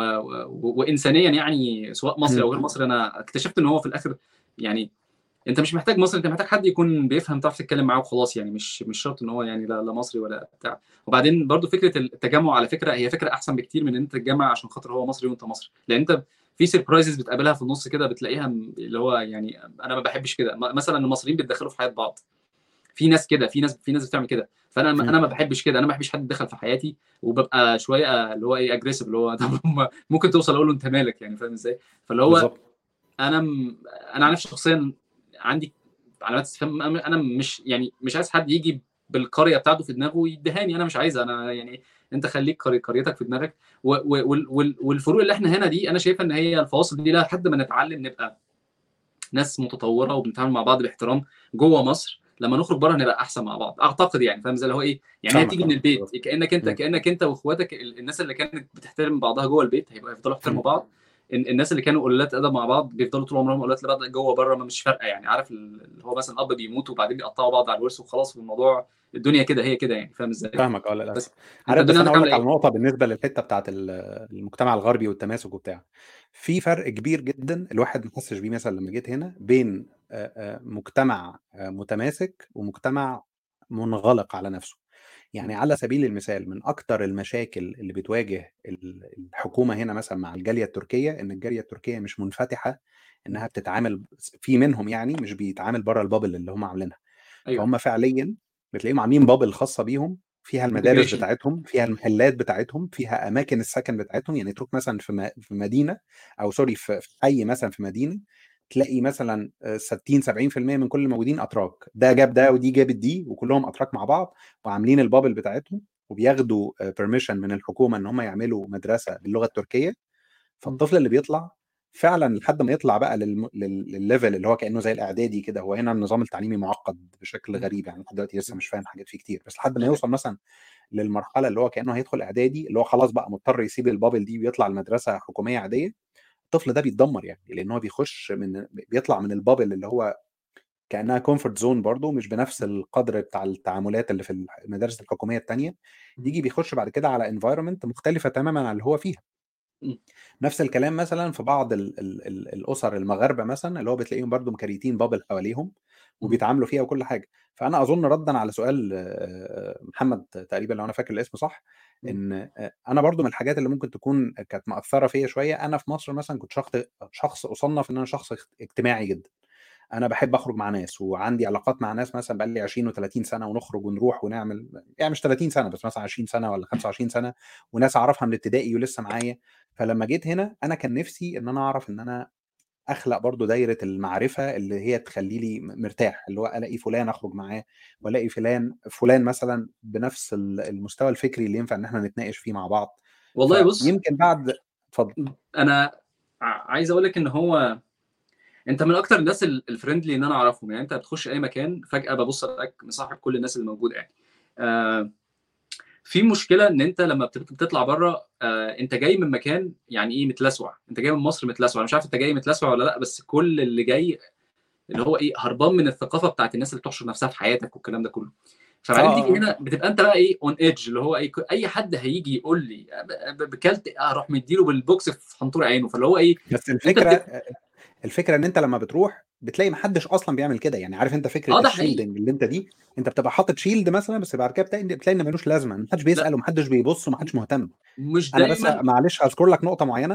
أنا اتفضل. فاكر في بداية جوازي مثلا كانت نقطة بالنسبة لي إيه أنا عارف إن في ناس بتعمل كده بس أنا كان بالنسبة لي الموضوع يعني أتفه من إن الواحد يفكر فيه. رايح لبتاع الفاكهة مثلا وجبت من عنده حاجة وحاجتين وثلاثه وطالع على البيت. فالمرة اللي بعدها برضو قلت له مثلا هات مانجا وهات مثلا آه، تفاح وهات مثلا ما أعرفش كذا فهو آه، آه، أنا علاقتي بيه بعد كده بقت علاقة كويسة جدا هو شخص محترم جدا يعني وكده وتقريبا عمل نفس الفكرة اللي أنت قلتها في الأول بتاع إن هو شخص بقى بعد كده ينقي لي حاجات معينة يتصل بيا يقول لي على فكرة أنا جات لي مثلا آه، جالي البلح اللي مانجا. الفلاني أو البتاع بالظبط كده يقول لي جات لي المانجا مثلا اللي أنت كنت عايزها. آه. فلقيته مرة مثلا بيقول لي بيقول لي هستأذنك بس يا محمد يعني إيه حط بس الحاجات دي كلها في شنطة سودا كده وأنت طالع على البيت. ما تخليش حد يبقى شايف برضه ما تضمنش نفوس الناس وبرضه كذا. فأنا بالنسبة لي نقطة زي دي كانت ثانوية بس أنا عشان ما أحرجوش قلت له طيب خلاص okay وطلعت. فبعد كده بدردش مثلا مع إخواتي بدردش بعد كده مع ناس وبتاع لقيت إن ده طبيعي. أنت لازم تداري أنت داخل بيتك بإيه؟ عشان في ناس بتبقى ممكن تكون قاعدة متربصة شوية إن الكيس ده حجمه قد إيه. آه ده بص اللي طالع ده الرسمة دي رسمة موز الرسمة دي رسمة مانجا. النقطة دي بالنسبة لي فعلا مرهقة جدا إن أنت تقعد تفكر فيها وأنت رايح تشتري حاجة. والله مرهقة. بص بص هو يعني الكلام ده أنا شخصيا آه شايف إن هو يعني أنت لما بتسكن في مكان أنت بتسكن في مكان على قد قدرتك الاجتماعية وقدرتك ال- إن أنت اللي هي السو- الس- ال socioeconomics يعني بت- اللي آه. تقدر توصل له فاهم إزاي؟ فالمنطقة دي كلها بتاكل من عند ربيع الخضري فكلكم بتاكلوا من عند ربيع فهو عارف هو كده كده يعني الموضوع مكشوف الموضوع مش محتاج إن أنت تقول الكلام ده. حلو؟ فأنا شخصيا أنا برفض ال- بر- برفض المنطق ده لأن هو آه، بيخليك تاخد بالك من حاجات هي مش صح إن أنت تاخد بالك من, من وجهة نظري. طبعا هو كل واحد. حر في ال في ال beliefs بتاعته. بس أنا شايف إن هي burn brain cycles على الفاضي. اللي هو إيه يعني يا عم الراجل اللي عايز يبص يعني أهلا وسهلا. أنا من لو أنا بعمل مثلا لو لو هو envy لو هو حقد يعني آه، رب ربنا هو اللي بيحمي. ولو هو يعني أنا مش الشنطة السوداء بتاعتي هي اللي فاهم إزاي؟ هي كل حاجة في إيد ربنا. ده من وجهة نظري فاهم؟ فتعال نقول إن أنت إن أنت لو- أنت فعلا الموضوع ده أنت شايفه من المنظور ده هو اتستك فاهم زي ال superstition دي أنت اللي بتاخدها. أنا برضو كنت قعدت مع حد إيطالي وشفته عاملين زينا جدا في موضوع الحسد والم... يعني آه، رقاب آه. جدا بالملي فاهم؟ بالملي. و... و... و... و... وأنا رحت قافش عليه قلت له يا عم أنت اللي بتقوله ده كان بيعمل تصرفات غريبة جدا بسبب موضوع الحسد وال... و... وال... ومش عارف إيه وقع ده الحلة وقعت على بطنها وحاجات كده غريبة. يا عم في إيه؟ يا عم. ما تعيش حياتك أنت. ده, ده, أنا اللي جاي من دولة عالم ثالث ما بعملش اللي انت بتعمله يعني فاهم إزاي؟ وكان بيعدل الشبشب عشان خاطر ال- الحاجات اللي كان- بتحصل والكلام ده؟ كان في مرة بيعمل حاجة فالملح وقع على الأرض قعد يا مش خبر جي قعد يعمل كده وتنرفز بقى ويقول لك ده- فال وحش. وبعدين إيه بيلف فايد ايد الكازارولا كانت محطوطة فلفت راحت توقع والمية وقعت واه شفت الخراب السواد اللي وقع؟ بيلف إيه تاني؟ راح حاجة تالتة وقع فاللي هو بقول له انت دلوقتي you freaked out وعمال تخبط في كل حاجة فاخرج تعالى هنا كده اخرج هنا من هنا مفيش حاجة تقع ما فيش حاجة تقع ما هو لو. وقف ثانية واحدة هو عمال الملح وقع فتعصب فبيلف بعصبية راح موقع البتاع الثاني فبيلف بعصبية ثاني اللي هو طب ما انت اللي عملت كده ما ما مش مش فانت اللي بت build ده في دماغك فاهم إزاي؟ فعشان كده بقول لك إيه انت بتيجي انت بتيجي من القرية حلو؟ بتيجي من القرية بتاعتك والقريه بتاعتك في دماغك تروح البلد دي تشيل القرية دي وتعيش فاهم إزاي؟ عيش وانطلق. أنت أنت بتتكلم إن أنت كان كل ال limitations دي اتفكيت منها وبتتحرك براحتك we don't care وبتشتري ال electronics من هنا وبتعمل الكلام ده كله. من من من نفس الناحية أنت مش المفروض إن أنت ت waste ال brain energy على ده يعني فاهم إزاي؟ دي دي وجهة نظري. الحاجة الثانية آه اللي هو كنت بقول لك مثال هو إيه؟ هو مش إن الواحد مقتنع بيه أنا كمان كنت رافضه بنفس المنطق اللي أنت بتقوله. أنا بس كنت بقول لك إن أنت إن في شوية تصرفات مجتمعية أنت بتبتدي الناس تلفت نظرك ليها هي أصلا ما ت- ما بتشكلش واحد على هي أصلا صفر أصلا في دماغك. يعني أنت مم. ولا مفكر في فكرة شنطة سمراء ولا مفكر في فكرة تخليها الناحية التانية عشان لما تمشي ولا إن الناس حاسدينك ولا الناس باصين ولا بس هو المجتمع الكلام اللي ده يو على كده. المجتمع في مصر آه هو اللي على كده. فاهم إزاي؟ هنا بل هنا في وكمان الناس اللي بتحاول إنها توصل لك النقطة دي أنت تاخد بالك منها هو هو بي هو أصلا يعني هو خايف عليك. يعني هو بيعملها برضه من من باب إن هو بيحبك. يعني هو مش هدفه إن هو يخليك لا شخص لا لا وحش. طبعا طبعا. لا لا هو لا بيحبك. بص هو خلينا نقول إيه؟ هي برضو نرجع للحتة الأولانية كل واحد الموتيف بتاعه كويس كل واحد ما هوش عايز يأذي حد. هي بس إيه؟ ممكن وأنا بحقق الهدف بتاعي بدوس على رجلك أو بقطشك يعني بتحصل يعني فاهم إزاي؟ آه، ال- ال- الحتة اللي أعتقد اللي هي فيها فيها شوية كونسيرن يعني وأنت بتسافر وكده إن الناس باردة بره شوية. باردة يعني إيه؟ اللي هو اللي هو ما حدش يكترث لل- للخير بتاعك. أنت بتقول الراجل بيحبك فبيقول لك كذا. هناك ممكن يبقى بيشوفك مثلا آه، ممكن تبقى داخل في الحيطة وتلاقي عادي أنا هو ما سألش فأنا ما قلتلوش يعني. ما حدش هيخرج من نفسه كده يقول لك يا محمد خلي بالك أنت كده بتعمل حاجة غلط. وممكن البتاع ده تفرقع في وشك. هو هو في warning مكتوب وأنت ما قريتوش فتولع يعني فاهم إزاي؟ آه لا في حاجات systematic فعلا بشكل كبير جدا. آه، الناس فعلا ما يعني ما بيلفتش نظر بعض ولا أي حاجة.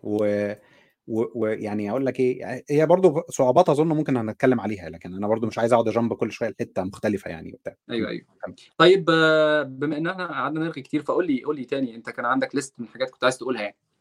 آه أنا كنت مثلا هتكلم على نقطة إيه, إيه, إيه لما سافرت بقى خلاص. يعني أنا دلوقتي مثلا سافرت. مم. إيه أول حاجات مثلا بدأت إن أنا آه، آخد بالي منها أنا اولا آه، فكرة إن أنا لما خدت قرار السفر مثلا مع زوجتي إن هي أنا هسافر لوحدي الأول أنا قلت لها أنا هسافر الأول لمدة ست شهور ست شهور دي أنا شايفها فترة مناسبة قوي إن الواحد يبتدي يشوف إيه المزايا وإيه العيوب بتاعة القرار ده وهل مم. القرار ده هيبقى مفيد بالنسبة لنا كأسرة ولا لأ أنا قبل كده لو أنا كنت لوحدي كنت غالبا هسافر وهخبط واعمل وايا كان زي ما هتيجي لكن دلوقتي أنت زي ما أنت قلت أنت عندك بعض الناس اللي أنت اللي هم بيعولوا عليك وأنت م- ومسؤولين منك. فالقرار لو أنت خدته غلط هم اللي بيشيلوا معاك برضو في في القرار في القرار ده. فعشان كده مش سهل عليك إن أنت تاخد القرار كده بدون ما تشوف أي عواقب ليه. أيوه أيوه. فسافرت فعلا وخ- وخليت أول ست شهور إن أنا بشارك مع مراتي مثلا إيه الحاجات اللي بلاقيها إيه الحاجات اللي بشوفها فواحدة من الحاجات اللي كانت بالنسبة لي مهمة مم. إن أنا ما كنتش عايز أفتح على نفسي 70 باب. يعني أنا أظن وضع أنت اتحطيت فيه كان غصب عنك إن أنت مم. اولا أنت عايز تعرف إيه بيجي منين. أنا بالنسبة لي الجملة دي كانت محور اهتمامي أول أول شهر مثلا. إيه بيجي منين؟ يعني مثلا. فعليا بدون مبالغة يعني الزبالة دي بتطلع إزاي؟ إزاي إزاي هرمي آه الزبالة بتاعتي؟ لو عندي حاجة أكتر من كده المفروض إن أنا أعمل إيه؟ هو الموضوع ده مش تافه؟ أتصل بمين؟ آه ليه اللي بيسمع بقى ليه الموضوع ده مش تافه؟ الموضوع ده لأن أنت ممكن تدفع غرامة تقعد تدفع فيها لفترة طويلة جدا. يعني الغرامه غرامة الزبالة دي فيها مشاكل. انت لو لو زبالة اترمت في مكان غلط ولا حصل حاجة كده عارف اللي هو أو لو مكان بي بي أو لو مكان بي split وبي recycle وحطيت آه. حاجة مطرح حاجة. الموضوع أيوة، ده أيوة. ممكن برضو يسبب لك مشكلة. يعني لو انت مثلا يوم المفروض تطلع فيه مثلا ال- البلاستيك وبتاع ورحت مطلع مثلا بواقي أكل مثلا جوه البلاستيك وبتاع وات- واتمسكت بالموضوع ده هتتظبط يعني هتتظبط ظبطة وحشة قوي يعني. والله ف- بص هو في في برضو الحوادث. أنا عملت حادثة هنا حادثة. حادثة. فاللي هو بقى عادي بقى ون... في تأمين بقى والكلام الجميل بقى بنسمعه بقى في ده. آه بالظبط. اللي حصل إن أنت بتقعد ثلاث سنين ال premium اللي هو إيه أنا بدفع كل شهر تأمين على العربية. التأمين ده. بيفترض إن أنت ما عملتش حوادث. راجل جميل ومحترم. أول ما بتعمل حادثة بيزيد. وتعمل آه حادثة كمان بيزيد فاهم؟ فاللي هو إيه أنا اتنفخت يا باشا. الحادثة اللي هم الخ- الخبطة اللي هي خبطة إيه في مصر اسمها اللي هو إيه حكيت في جنب حد. ثلاث سنين ثلاث سنين بياخدوا مني كل شهر فلوس فاللي هو يا جماعة والله عارف اللي هو إيه؟ آه آه الموضوع الم- أنا أنا لما كنت بدور هنا أنا لما كنت آه. بدور هنا على الموضوع ده فعلا لقيت إن أنت في حاجة إن أنت اسمها اللي هي إيه؟ ال accident free years يعني اللي هي اللي أنت ما عملتش فيها حوادث وهو آه. بيفترض إن أنت لو لسه هتبتدي ولا وكمان هم بيعملوا هنا حركة سيئة جدا آه. اللي هو مثلا لو أنت كان معاك عربية وبقالك 10 سنين ما بتعملش حوادث وبعت العربية دي وعملت فاصل في النص ما بين امتلاكك ليها والعربية تانية آه ست شهور بيريسات من الأول خالص. ييه ده الموضوع ده تعرف الموضوع بيفرق الموضوع ده فلوس رخم جدا. جدا الموضوع ده هنا آه. بيفرق تدفع رقم محترم. أنا عايز أقول لك إن في أنا برضه أنا تانية. لقيته بدون مبالغة. هو مثلا ممكن يوصل إن أنت بدل ما تدفع آه، 90 يورو في الشهر تدفع 40 أو تدفع 35 آه. اللي هو فرق أيوه كبير أيوه مش قليل. بتنط بتنط أيوه. لا ده آه. في أنا عملت بلاوي. أنا واخد اتنين ticket يعني على مدار الثلاث. سنين. على مدار ثلاث سنين حادثة واتنين ticket. بتنفخ. عارف اللي هو إيه؟ كل اسمها point ال point point على بالظبط على فاللي هو ال point دي ما بتروحش غير بعديها بسنتين باين والحادثة ما بتختفيش غير بعديها بثلاث سنين. فاللي هو إيه؟ اللي هو أنت المفروض تدفع مثلا 80 دولار مثلا بتدفع 140 فاللي هو عشان أنت راجل reckless وبتمشي بسرعة. وبتلف بعنف. وحكيت في راجل كان واقف فاللي هو بي... بيعلموك الأدب. فاهم إزاي؟ بالظبط. وبص... وبصراحة إلى حد ما هي الناس هنا كلها محترمة فأنت ما تعرفش هي محترمة ليه. هي الناس محترمة عشان خاطر يو كانت افورد إن أنت يعني أنت ما تقدرش إن أنت تتحمل إن أنت تبقى كده مش مستهتر محترم. آه. لا لا لا أنا عايز أقول لك إن وأنت ماشي لو خبطت عمود العمود ده أنت بتدفعه حاجة اسمها ده اسمها اللي هو stationary damage ده ولا مش ليها اسم يعني فاهم. اللي هو إيه خبطت عمود أنت بتصلحه هو العمود كان سليم أنت خليته مش سليم.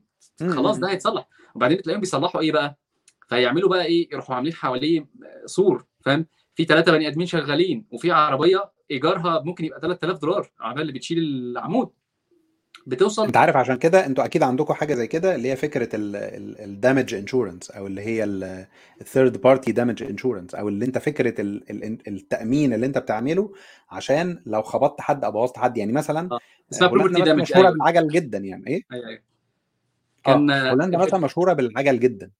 آه. فلو انت مثلا ماشي بالعجلة بتاعتك وخبطت مراية بتاعت عربية حد هو بص فعليا زي ما كان حد وكان حد إيطالي برضو بالمناسبة يعني بيقول إن هو في ناس هنا بتتمنى تحصل الحاجات دي عشان يصلح حاجة يعني مثلا يبقى عنده حاجة مخدوشة أو عنده حاجة فيها كسر صغير هو آه. لو وداها دلوقتي هيدفع هو ثمنها في حين إن أيوه. لو حد خبطها وكمل عليها التأمين هيدفع ثمن تصليحها أيوه فهو أيوه بيبقى بالنسبة له بيتمنى إن حد يخبطها وفي ناس بتروح جاية متعمدة إن هي كأنها مثلا إيه يعني آه. كأنه فعلا كده عارف أنت كان في فيلم في مصر اللي هو بتاع نور الشريف وكان بيرمي نفسه قدام حد وياخد بعد كده منه تعويض وكده كان اسمه آه، دم الغزال أو كعب الغزال حاجة كده يعني. آه. في ناس يعني أنا في واحد صاحبي إيطالي حصل معاه موقف بس بالعكس يعني هو كان ماشي بالعجلة وناس كانوا نازلين أجازة هنا في هولندا مأجرين عربية وماشيين ما خدوش باله منهم فخبطوه وقع وتعور في إيده تعور في إيده تعويرة اللي هي إيه لو أنت وقعت في مصر من على الرصيف هتتعور تعويرة هتروح بجنيه تحط عليها بلاستر وخلاص. آه. هو راح مكلم الشرطة جم عملوا report وراح م... م... عمل آه، كلم شركة التأمين وطالبوا ب damage claim وبتاع ودفعهم آه، مبلغ أظن أو هم تحملوا بص مبلغ هو انه اللي هنا ال- ال case اللي حصلت وأنا كنت شفت يعني دي شفتها الراجل الراجل بتاع الانشورنس كان بيقنعني بحاجة وراح مطلع لي الورق قال لي ده واحد كان ماشي حصل حاجة فالعربية يعني خبط هو عمل غلطة فالغلطة دي خبط في حد وبعدين بعد ما خبط في حد العربية مش لفت وراحت خابطه في حاجة يعني إيه؟ أربع خمس حاجات اتخبطوا. تشين كده معين من الأحداث يعني. آه. بالظبط تشين من الأحداث. هي حظه إن هو تقريبا يعني كانت عر- عربيتين تقريبا ومش عارف حاجة كده في الشارع يعني فاهم إزاي؟ واحد من الناس آه قال لك رقبتي مش عارف إيه. طبعا هنا التأمين التأمين بيبقى لازم يبقى فيه برضو claim اللي هو التأمين ده عليا ولا عليك؟ فاهم إزاي؟ فأنت طالما خبطت حد أنت بوظت رقبتي فأنت اللي تصلح رقبتي اللي باظت. بتقعد تفضل تدفع بقى أنت تصليح رقبته دي إلى ما لا نهاية. ودي ودي ملهاش تأمين تقريبا اللي هو إيه أنت بتفضل تدفع له كده وخلاص لحد ما الراجل يتظبط ويشتغل تاني سليم وخلاص على كده. هي في حاجة عن ال own risk أو بمعنى أصح إيه التأمين هيشيل آه بس أنت لازم في جزء لازم تدفعه أنت.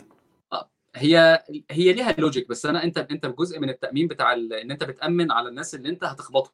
يعني فاهم إزاي؟ إن هو إيه بتأمن على ال medical insurance بتاعهم. أنت كده كده عندك medical هم أنت ما تعرفش اللي عند الناحية الثانية عنده medical ولا لأ وشكل ال medical بتاعه إيه؟ فاهم إزاي؟ لأن برضه بقى فيها بيظبطوا مع بعض ويخلصوا الموضوع فاهم إزاي؟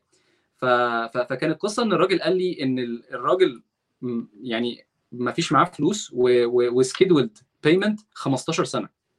15 سنة. 15 سنة كأنه يعني أنت يعني من الكلام كده تقدر تقول إن الراجل تقريبا ال claim ده وصل تقريبا مثلا ممكن يكون وصل 200 300 ألف دولار مثلا حاجة زي كده يعني فاهم إزاي؟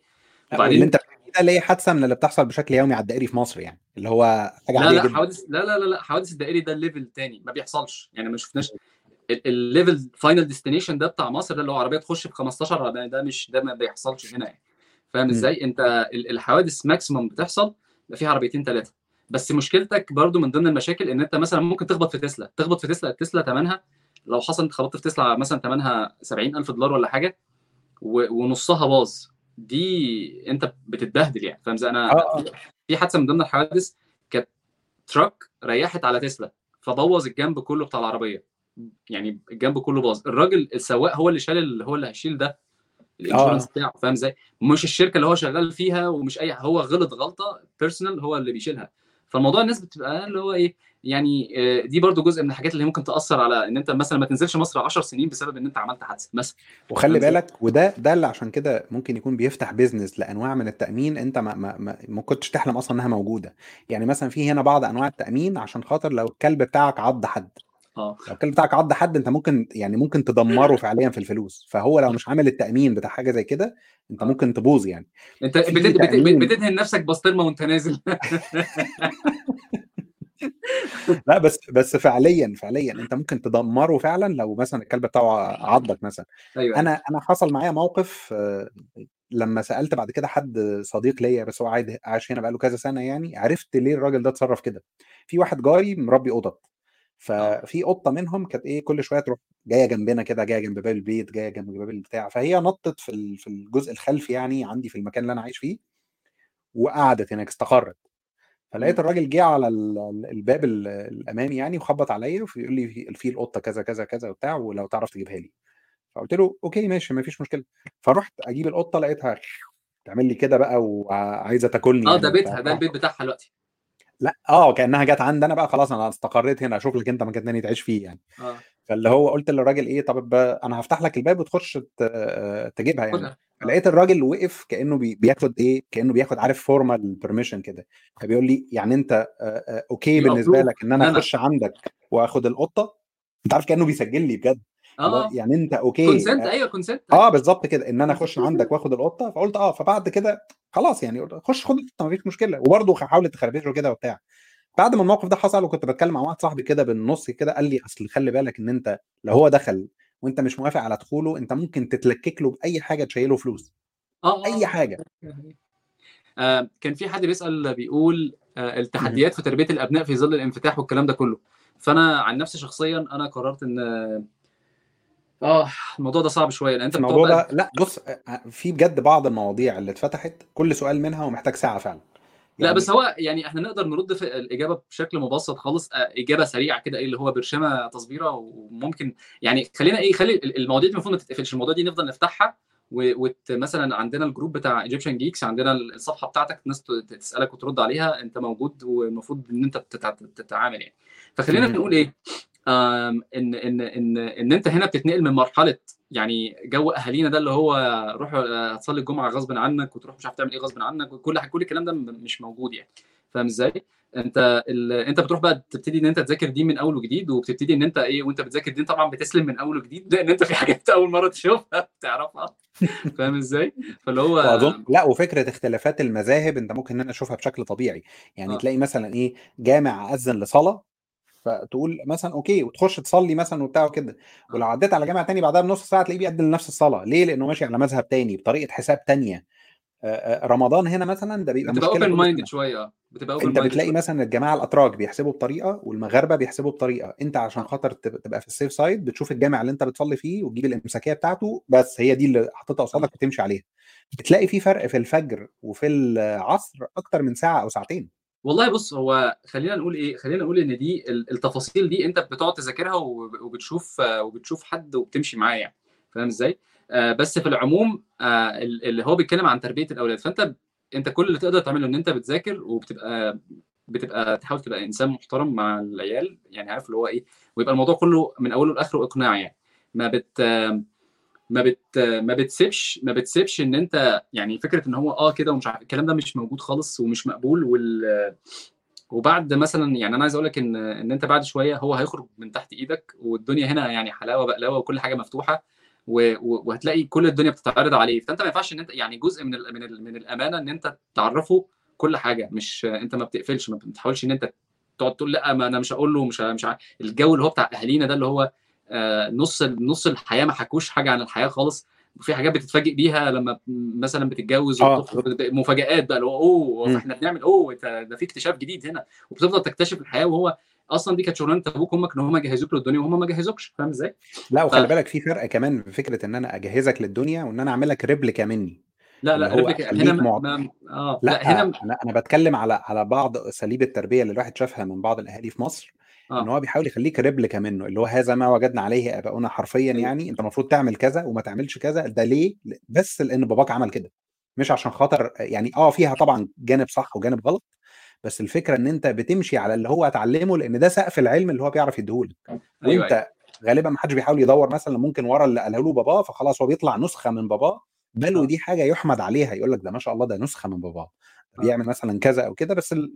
أنت هنا لا أنت في peer pressure وهمي أنت عمرك ما هتعرف تقف قصاده. أيوه. ولو ما ولو ابنك مش مجهز نفسيا إن هو يعرف يقف يفكر في الصح والغلط بنفسه أنت هتضيع وهو هيضيع ومش هتعرف تبقى مسؤول عنه. أيوه أيوه. يعني يعني يعني كمان خلي بالك في حاجة إن بعض ال... بعض أساليب التربية مثلا فيها أساليب مثلا من ضمنها ال- ال- المنع والترغيب والترهيب وساعات الضرب وساعات وساعات فيها أساليب مختلفة. أيوه أيوه. أنت هنا تروح السجن لو أنت اتقفشت مثلا بتضرب ابنك واخد بالك؟ بص هو خلي خلي خلينا الموضوع ده ليه بتربطه قوانين فخلينا نقول إيه نقول إن أنت في موضوع تربية الأولاد عايز تربيهم آه، يعني أنت بتخاف ربنا وعايز عايزهم يبقوا عارفين الإسلام أنت ما تقدرش إن أنت تخليهم مسلمين أنت تقدر توريهم الباب. وهم لو عايزين يخشوا منه بيخشوا. لأن ممكن هو هي- هياخدك على قد عقلك زي ما زي ما انت عايز وبعدين هو بيبقى تين ايجر يعني يوصل سن اللي هو يقدر يخرج من البيت هيخرج من البيت مش انت مش هتعرف تجيبه يعني. فاهم إزاي؟ فال... فالامن الامن ال... ال... الأحوط إن انت تبقى كويس معاه وتبقى صاحب والكلام اللي هو الجميل ده يعني. آه، عشان إحنا الموضوع ده بيتهيألي إن إحنا اتكلمنا فيه آه، كفاية يعني. آه، أنا شلت ال banner عشان كان أحمد ألفي بيقول لك التيشيرت بتاعك حلو أنا بقى التيشيرت بتاعي أحلى من تيشيرتك. فأنا فأنا قررت إن هو آه، جا- جايز يكون بيقول لك أنت على فكرة. لا هو بيقول لك التيشيرت ال Nintendo حلو فلا. الكلام ده أنا أنا هنا صاحب البيت. لا لا أنا أنا أنا أؤيد أحمد ألفي فعلا إن Nintendo يكسب آه، الراب لايف يعني. ماشي يا عم. آه طيب آه عندك إيه تاني عايز تقوله؟ لا بص هو هو إحنا لسه في حاجات كتيرة ما اتكلمناش فيها بس عشان كده أنا بقول لك يعني اخ- اختار مثلا نقطة كمان لأن إحنا كده داخلين في ساعة وربع يعني. بالظبط بالظبط. هقول لك على حاجة مثلا على سبيل المثال آه، واحدة من ال يعني أنا ممكن أتكلم على حاجتين كده بسرعة حاجة همس فيها بشكل سريع فكرة الأبناء والتربية والكلام ده وحاجة همس فيها فكرة الجانب ال- يعني جانب الحياة الصحية هنا يعني أنا أول ما جيت هنا أنا بالنسبة لي اللي, اللي يخلق لي حياة صحية هو إن أنا يكون عندي حياة اجتماعية صحية من وجهة نظر الأصحاب. أو سوري من من من جانب الأصحاب ومن جانب العيلة. آه. يعني أنا لازم تكون علاقتي بمراتي وعلاقتي بأسرتي كويسة ومستقرة وعارفين نعيش في مكان عارفين إن يبقى في ما بيننا حياة كويسة زائد مم. إن كمان عندي دايرة الصحاب ودايرة الأصدقاء ودايرة المعارف اللي أنت ينفع إن أنت كأنك إيه المتنفس الطبيعي بتاعتك بتاع الحياة يعني. أيوه فانا يعني من أكتر الصعوبات اللي ممكن أكون واجهتها بعد ما جيت هنا إن أنا لقيت نفسي قعدت مثلا سنتين كاملين ولسه ما خلقتش الدايرة الصحية دي ولسه دايما بلجأ لدايرة الأصحاب والمعارف اللي كانوا عندي في مصر. طيب يعني أنا دايما عندي ألجأ. أنا عندي تعليق صغير على ده. لا لما آه. أخلص عشان أنا خاطر أنا أنا ابتديت أزهق.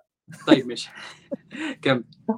بص يا سيدي آه، آه، أنا آه، لقيت نفسي إن أنا دايما بلجأ لدايرة المعارف بتاعت مصر. يعني مثلا أبقى أحمد عصام مثلا في مصر فلما ألاقي نفسي مثلا في مشكلة معينة وبتاع أروح رافع السماعة لأحمد عصام.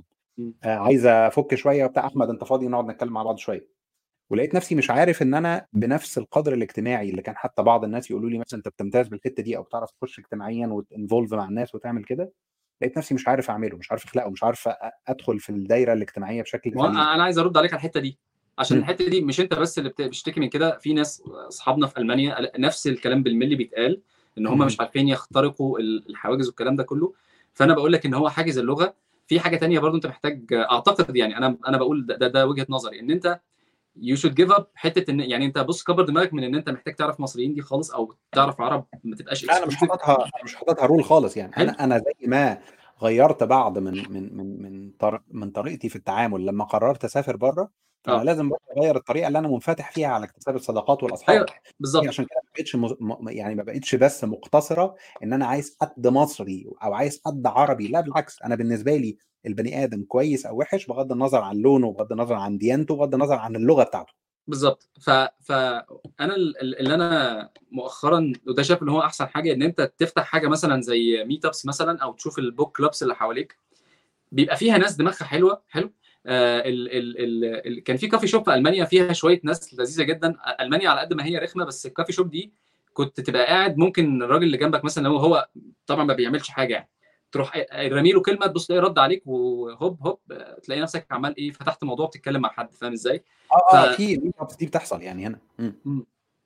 أنا أنا بالنسبة لي شايف إن أنت لو لو عملت موضوع لو عملت الموضوع ده إن أنت تخرج meetups تخرج تتكلم مع الناس ما تربطش الكلام ده حلو. بس ده طبعا أعتقد هيحتاج إن أنت تتعلم ال Dutch هي Netherland Dutch صح؟ ولا بتتعلموا إيه؟ Dutch آه بس خلي بالك من نقطة إن إن ميزة من مزايا هولندا أو أو أو يعتبر ميزتين رائعتين في هولندا يعني إن الحاجة الأولانية إن في حتى الناس الهولنديين بيتكلموا إنجليزي ودي ما بتسببلكش عائق كبير في الأول بالذات لما تخش السوبر ماركت لما تخش coffee shop في الأول بتاع أنا أنا عارف إن أنت قصدك إن اجتماعيا لازم تعرف اللغة. بس أنا بتكلم على نقطة إيه؟ إن كمان بما إن في جالية expats كبيرة جدا فأنت مش مضطر بس صداقاتك تبقى على مستوى ال Dutch.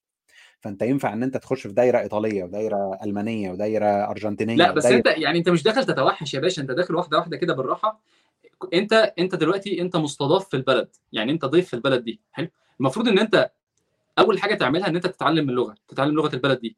وتبتدي إن أنت تخش بقى في الخ... في, ال... في ال- اللي هي الحواري. يعني مثلا هل أنت تعرف حواري حواري مثلا آه، أمستردام مثلا؟ تعرف اللي مستخبي هنا ولا مش مستخبي هنا؟ فاهم؟ لأن في حاجات أصلا أنا اكتشفت إن ألمانيا كان فيها فيها corners ما حدش يعرفها. كان في أماكن فيها بتلاقي فيها مثلا أتراك كتير قوي أو مثلا عرب كتير أو مش عارف كذا. ال depend طبعا على الحاجة اللي أنت عايزها بس أنت لما تيجي تبص يعني حاول أنت تشوف أنت أنت اللي بتوازن طبعا أنت ال... أنت اللي آه. بتشوف ال... ال- الحاجة بتاعتك. بس أنا بقول لك إن أنت مجرد إن أنت ما بتتعلم اللغة بت unlock level جديد. يعني أنا كنت في برضه في الدنمارك وبعدين رحت أنا ناس social بشكل مرعب يعني فاهم إزاي؟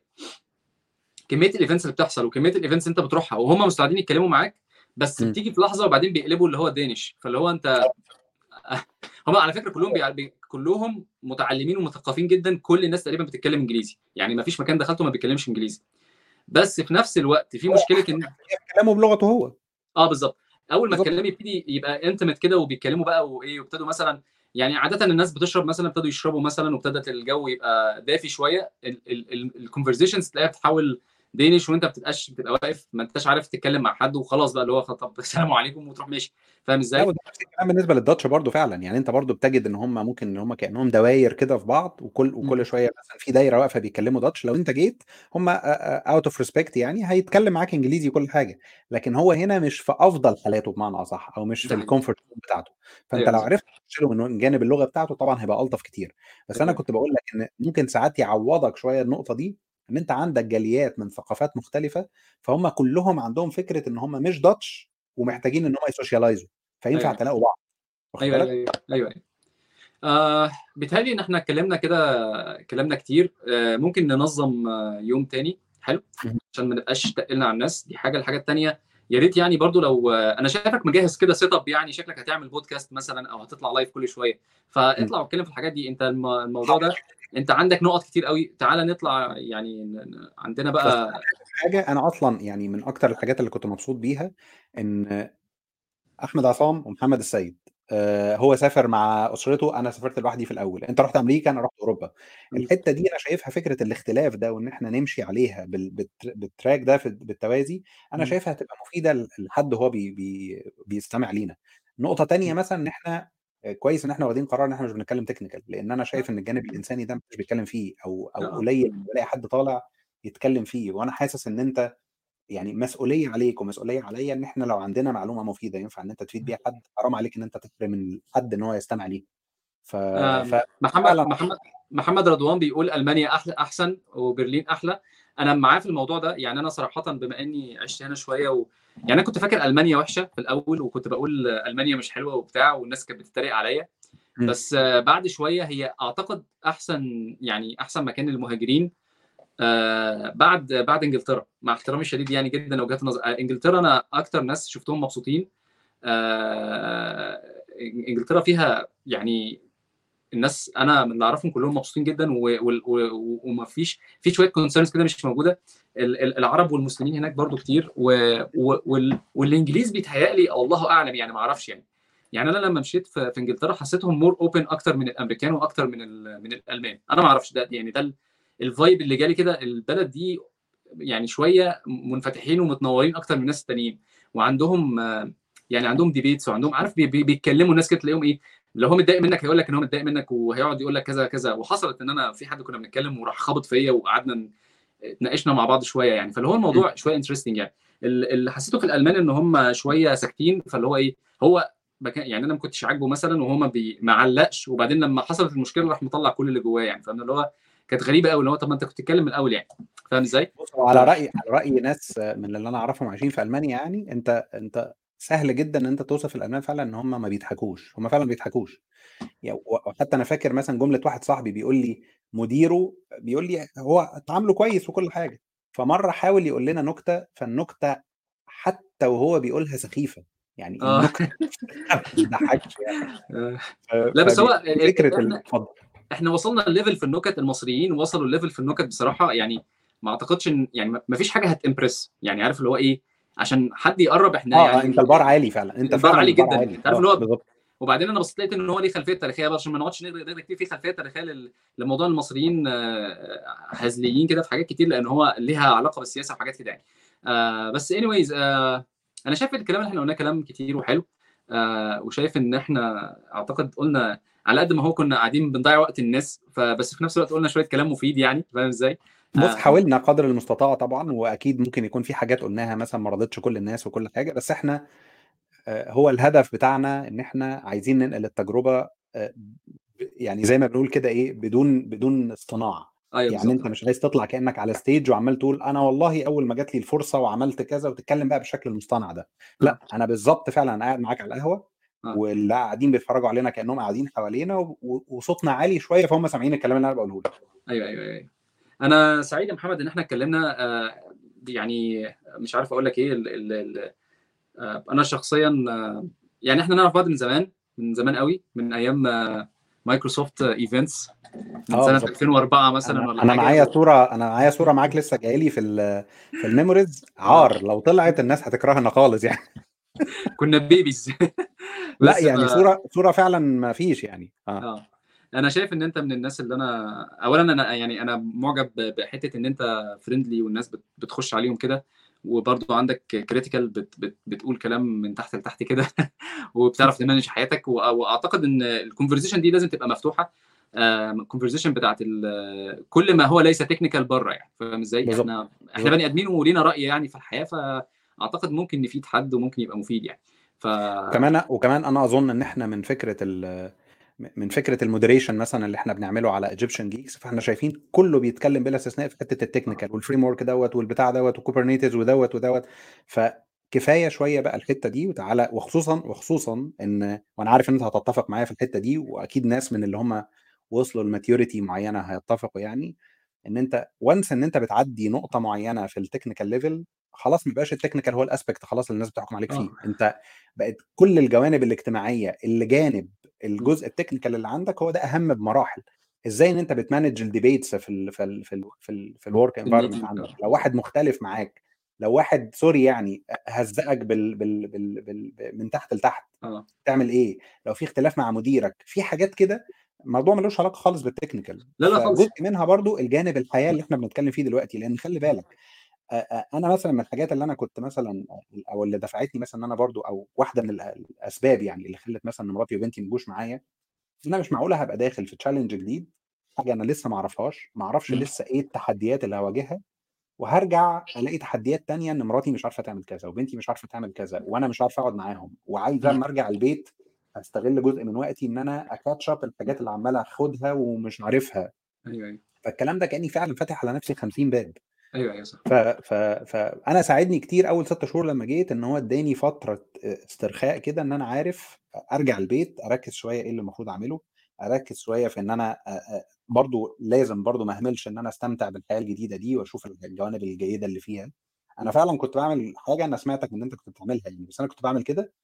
يعني ميزة من مزايا ال- الشغل هنا مثلا عن اللي كان بيحصل في مصر اللي بيحصل في مصر بصراحة كان جزء منه فيه يعني ضرب. نار يعني انت بتخلص الساعة 12 بالليل تخلص الساعة 2 الفجر. في بعض من الناس اللي شايفونا دلوقتي واللي عملوا كتبوا تعليقات وبتاع كنا نخلص شغل الساعة 6 عشان خاطر نقعد نلعب بال Xbox مثلا في الشركة لحد الساعة 12 بالليل نقعد هناك لحد السحور في رمضان. الكلام ده هنا مفيش الكلام دوت. أنت هنا ليه تقعد أصلا بعد وقتك؟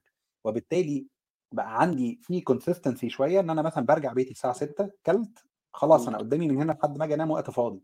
الوقت أيوه أيوه. الفاضي ده ينفع أعمل فيه حاجة. فأنا كنت بنزل أقعد أتمشى. كنت كل يوم أنزل أول شهر ده انزل اقعد اتمشى ساعتين وكل شوية بوسع ال circle اللي أنا مثلا فيها حوالين البيت. أيوه. يعني أول يوم أو أول أسبوع عمال ألف حوالين البيت والشوارع الجانبية. تاني مرة أروح مثلا ماشي بخط مستقيم مسافة آه. أكتر وأتمشى بدوائر أكتر شوية. ليه؟ عايز أب... عايز أشوف الحاجة دي. زي ما أنت مثلا كنت بتقول من شوية إن أنت كداتش لازم تتعلم اللغة بتاعتهم. أنا شايف إن الموضوع كمان أشمل من كده. أنت كمكان بقيت موجود فيه جديد لازم تعرف من أول ال- ال- العادات والتقاليد اللي بتحكم الناس دي عشان أنت هتتعامل معاهم بشكل يومي لحد ال supermarkets اللي حواليك فين لحد ال emergencies لحد كل حاجة. هي آه. هي الحياة مش مجرد إن أنا أنا أنا لو رايح رحلة لمكان هعرف اللي حواليا بشكل سريع لأن أنا مش هقعد فيه. لكن لو أنت قررت إن أنت مسافر مكان وهتهاجر من مصر وهتقعد في مكان جديد لازم تحاول تتعرف على كل العادات والتقاليد المختلفة عنك تبقى ابن البلد. تبقى ابن البلد. تحاول ت adapt ليها بشكل ما.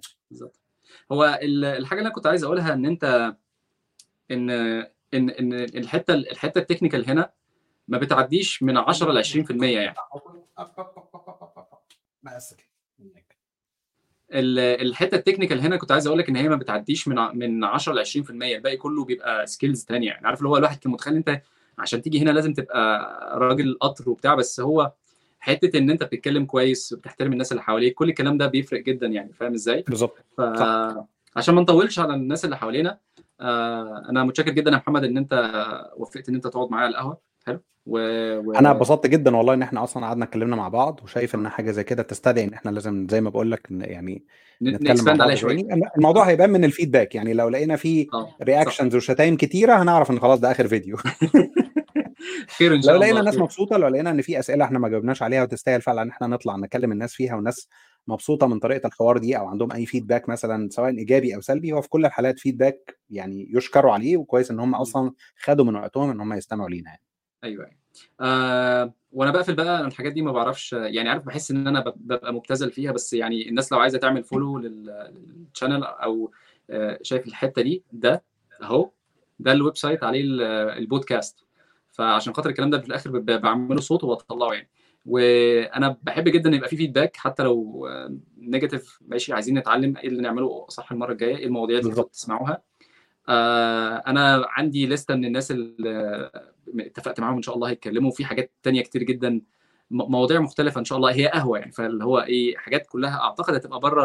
بره اللي أنتوا تعرفوه أعتقد يعني. لأن الناس دي في الركن وهم مش مش مش معروفين قوي يعني مش مش مش ميديا يعني مش media figures يعني. ف يا رب كده دايما أشوف منكم آه، ال feedback وإيه اللي أنتوا نفسكم فيه وإن شاء الله ربنا يقدرنا ونعمل حاجة كويسة دايما. وشكرا لمحمد وطبعا شكرا ليا. أنا أحب أشكرني عشان المجهود اللي أنا عملته. أنا بحب أشكر الكرتونة اللي وراك دي اللي هي مدارية أكيد حاجات كتير يعني. أيوه أنا بس عايز أقول لك على حاجة أخيرة فعلا يعني أنا ممكن أكون قلتها private وقلتها على group إحنا بنتكلم فيه مع بعض أصدقائنا بس لازم أقولها إن أنت من الأسباب اللي خلت الواحد يتشجع إن هو يشتري مايك ويعمل setup إن هو يحاول يتكلم لأن مجرد فكرة إن أنت طلعت وحاولت تتكلم وتحاول إن أنت تتكلم مع الناس أنت آه. فعلا شجعت الواحد وأنا واثق إن في ألف واحد من الناس اللي ممكن تكونوا شايفيننا ولا بيتفرجوا علينا كل واحد فيهم عنده ميزة في نقطة معينة لو طلع اتكلم فيها مع الناس هيوصل رسالة وهيوصل حاجة ممكن تكون الناس دي مش متشجعة بس بالقدر الكافي إن هو يطلع يتكلم. وخلي بالك أغلب الناس شايفة إنه ما عندوش بس لما بيبتدي بيلاقي لأ إن في فعلا value وأنا فاكر في مرة في بودكاست كان كنت أنت طالع مع ألفي وكده في اللي هو في نال بلس بلس فأنت كنت بتتكلم بتقول إن لو واحد طلع بيقف على إيده هيلاقي في audience للموضوع ده. آه ففعلا أنا ما بص هو أنت أي حد بيعمل أي حاجة هيلاقي حد أصلا عايز إن هو يستمع ليه بس هو بس الفكرة في إيه؟ الفكرة يعني أنا أتمنى إن كل الناس اللي إحنا بنتعلم من بعض لما نتكلم. أنا كنت أنا حاسس الناس كلها إيه انت كل واحد خايف يتكشف. يعني كل واحد إيه أنا يعني أنا عارف إن أنا خايف أتكشف فأنا قررت إن أنا قلت ال- الحياة دي مش كويسة لأن هي انت عندك كتير قوي تعلم بيه ناس. أنا بقالي بقالي سنين بشتغل وفي ناس جديدة وفي تفاصيل صغيرة زي ما انت كده. قعدنا نحكي في تفاصيل صغيرة ال- الناس اللي مسافرة ممكن ما تكونش عارفاها ويتورطوا فيها. ان انت مثلا محتاج رخصة شكلها إيه عشان تعمل إيه فاهم؟ محتاج محتاج تفاصيل ورقة معينة ممكن تعطلك ست شهور. حاجات كده حاجات حاجات بسيطة جدا يعني. فال ال ال على قد ما انت ممكن تتخيل ان انت أنا مش مهم قوي لأ أنت مهم ورأيك مهم وكلامك مهم وال وال ولو حد مش عايز يسمعك أهي يا عم ده الموضوع فيه X فوق بيروحوا دايسين عليه وخلاص الموضوع خلص ما فيش حاجة المهم إن أنت ما. تبقاش ما تعذبش نفسك على إن أنت جبت كام viewer والكلام ده يعني فاهم إزاي هي طبعا طبعا أنا أنا بتكلم مع مع محمد وخلاص وال- واللي عايز يتفرج أنا شايف إن في ناس مبسوطة فخلاص الموضوع جميل ما هوش وحش يعني وخلي فعشان بالك في في في في جملة أنا. حاببها قوي يعني إحنا كنا بنقفل وبعدين فتحنا تاني. فقدامك دقيقة. لا أنا كنت آه بالظبط لا أقل من دقيقة حتى. أنا بس كنت هقول لك نقطة إيه ان ان إن في نقطة لو أي حد قرر إن هو يبتدي يتكلم ويطلع آه، يعني على الملأ كده ويقولها لازم ياخد باله منها يعني إن آه أي حد بيتكلم على الملأ لازم يقتطع جزء من نفسه أو من عرضه أو من سمعته أو من بتاع لأنه مش هيرضي كل الناس. هتلاقي حقيقة. وأنت بتتكلم في الدين طالع لك حد لا يؤمن أصلا بالدين بيشتمك.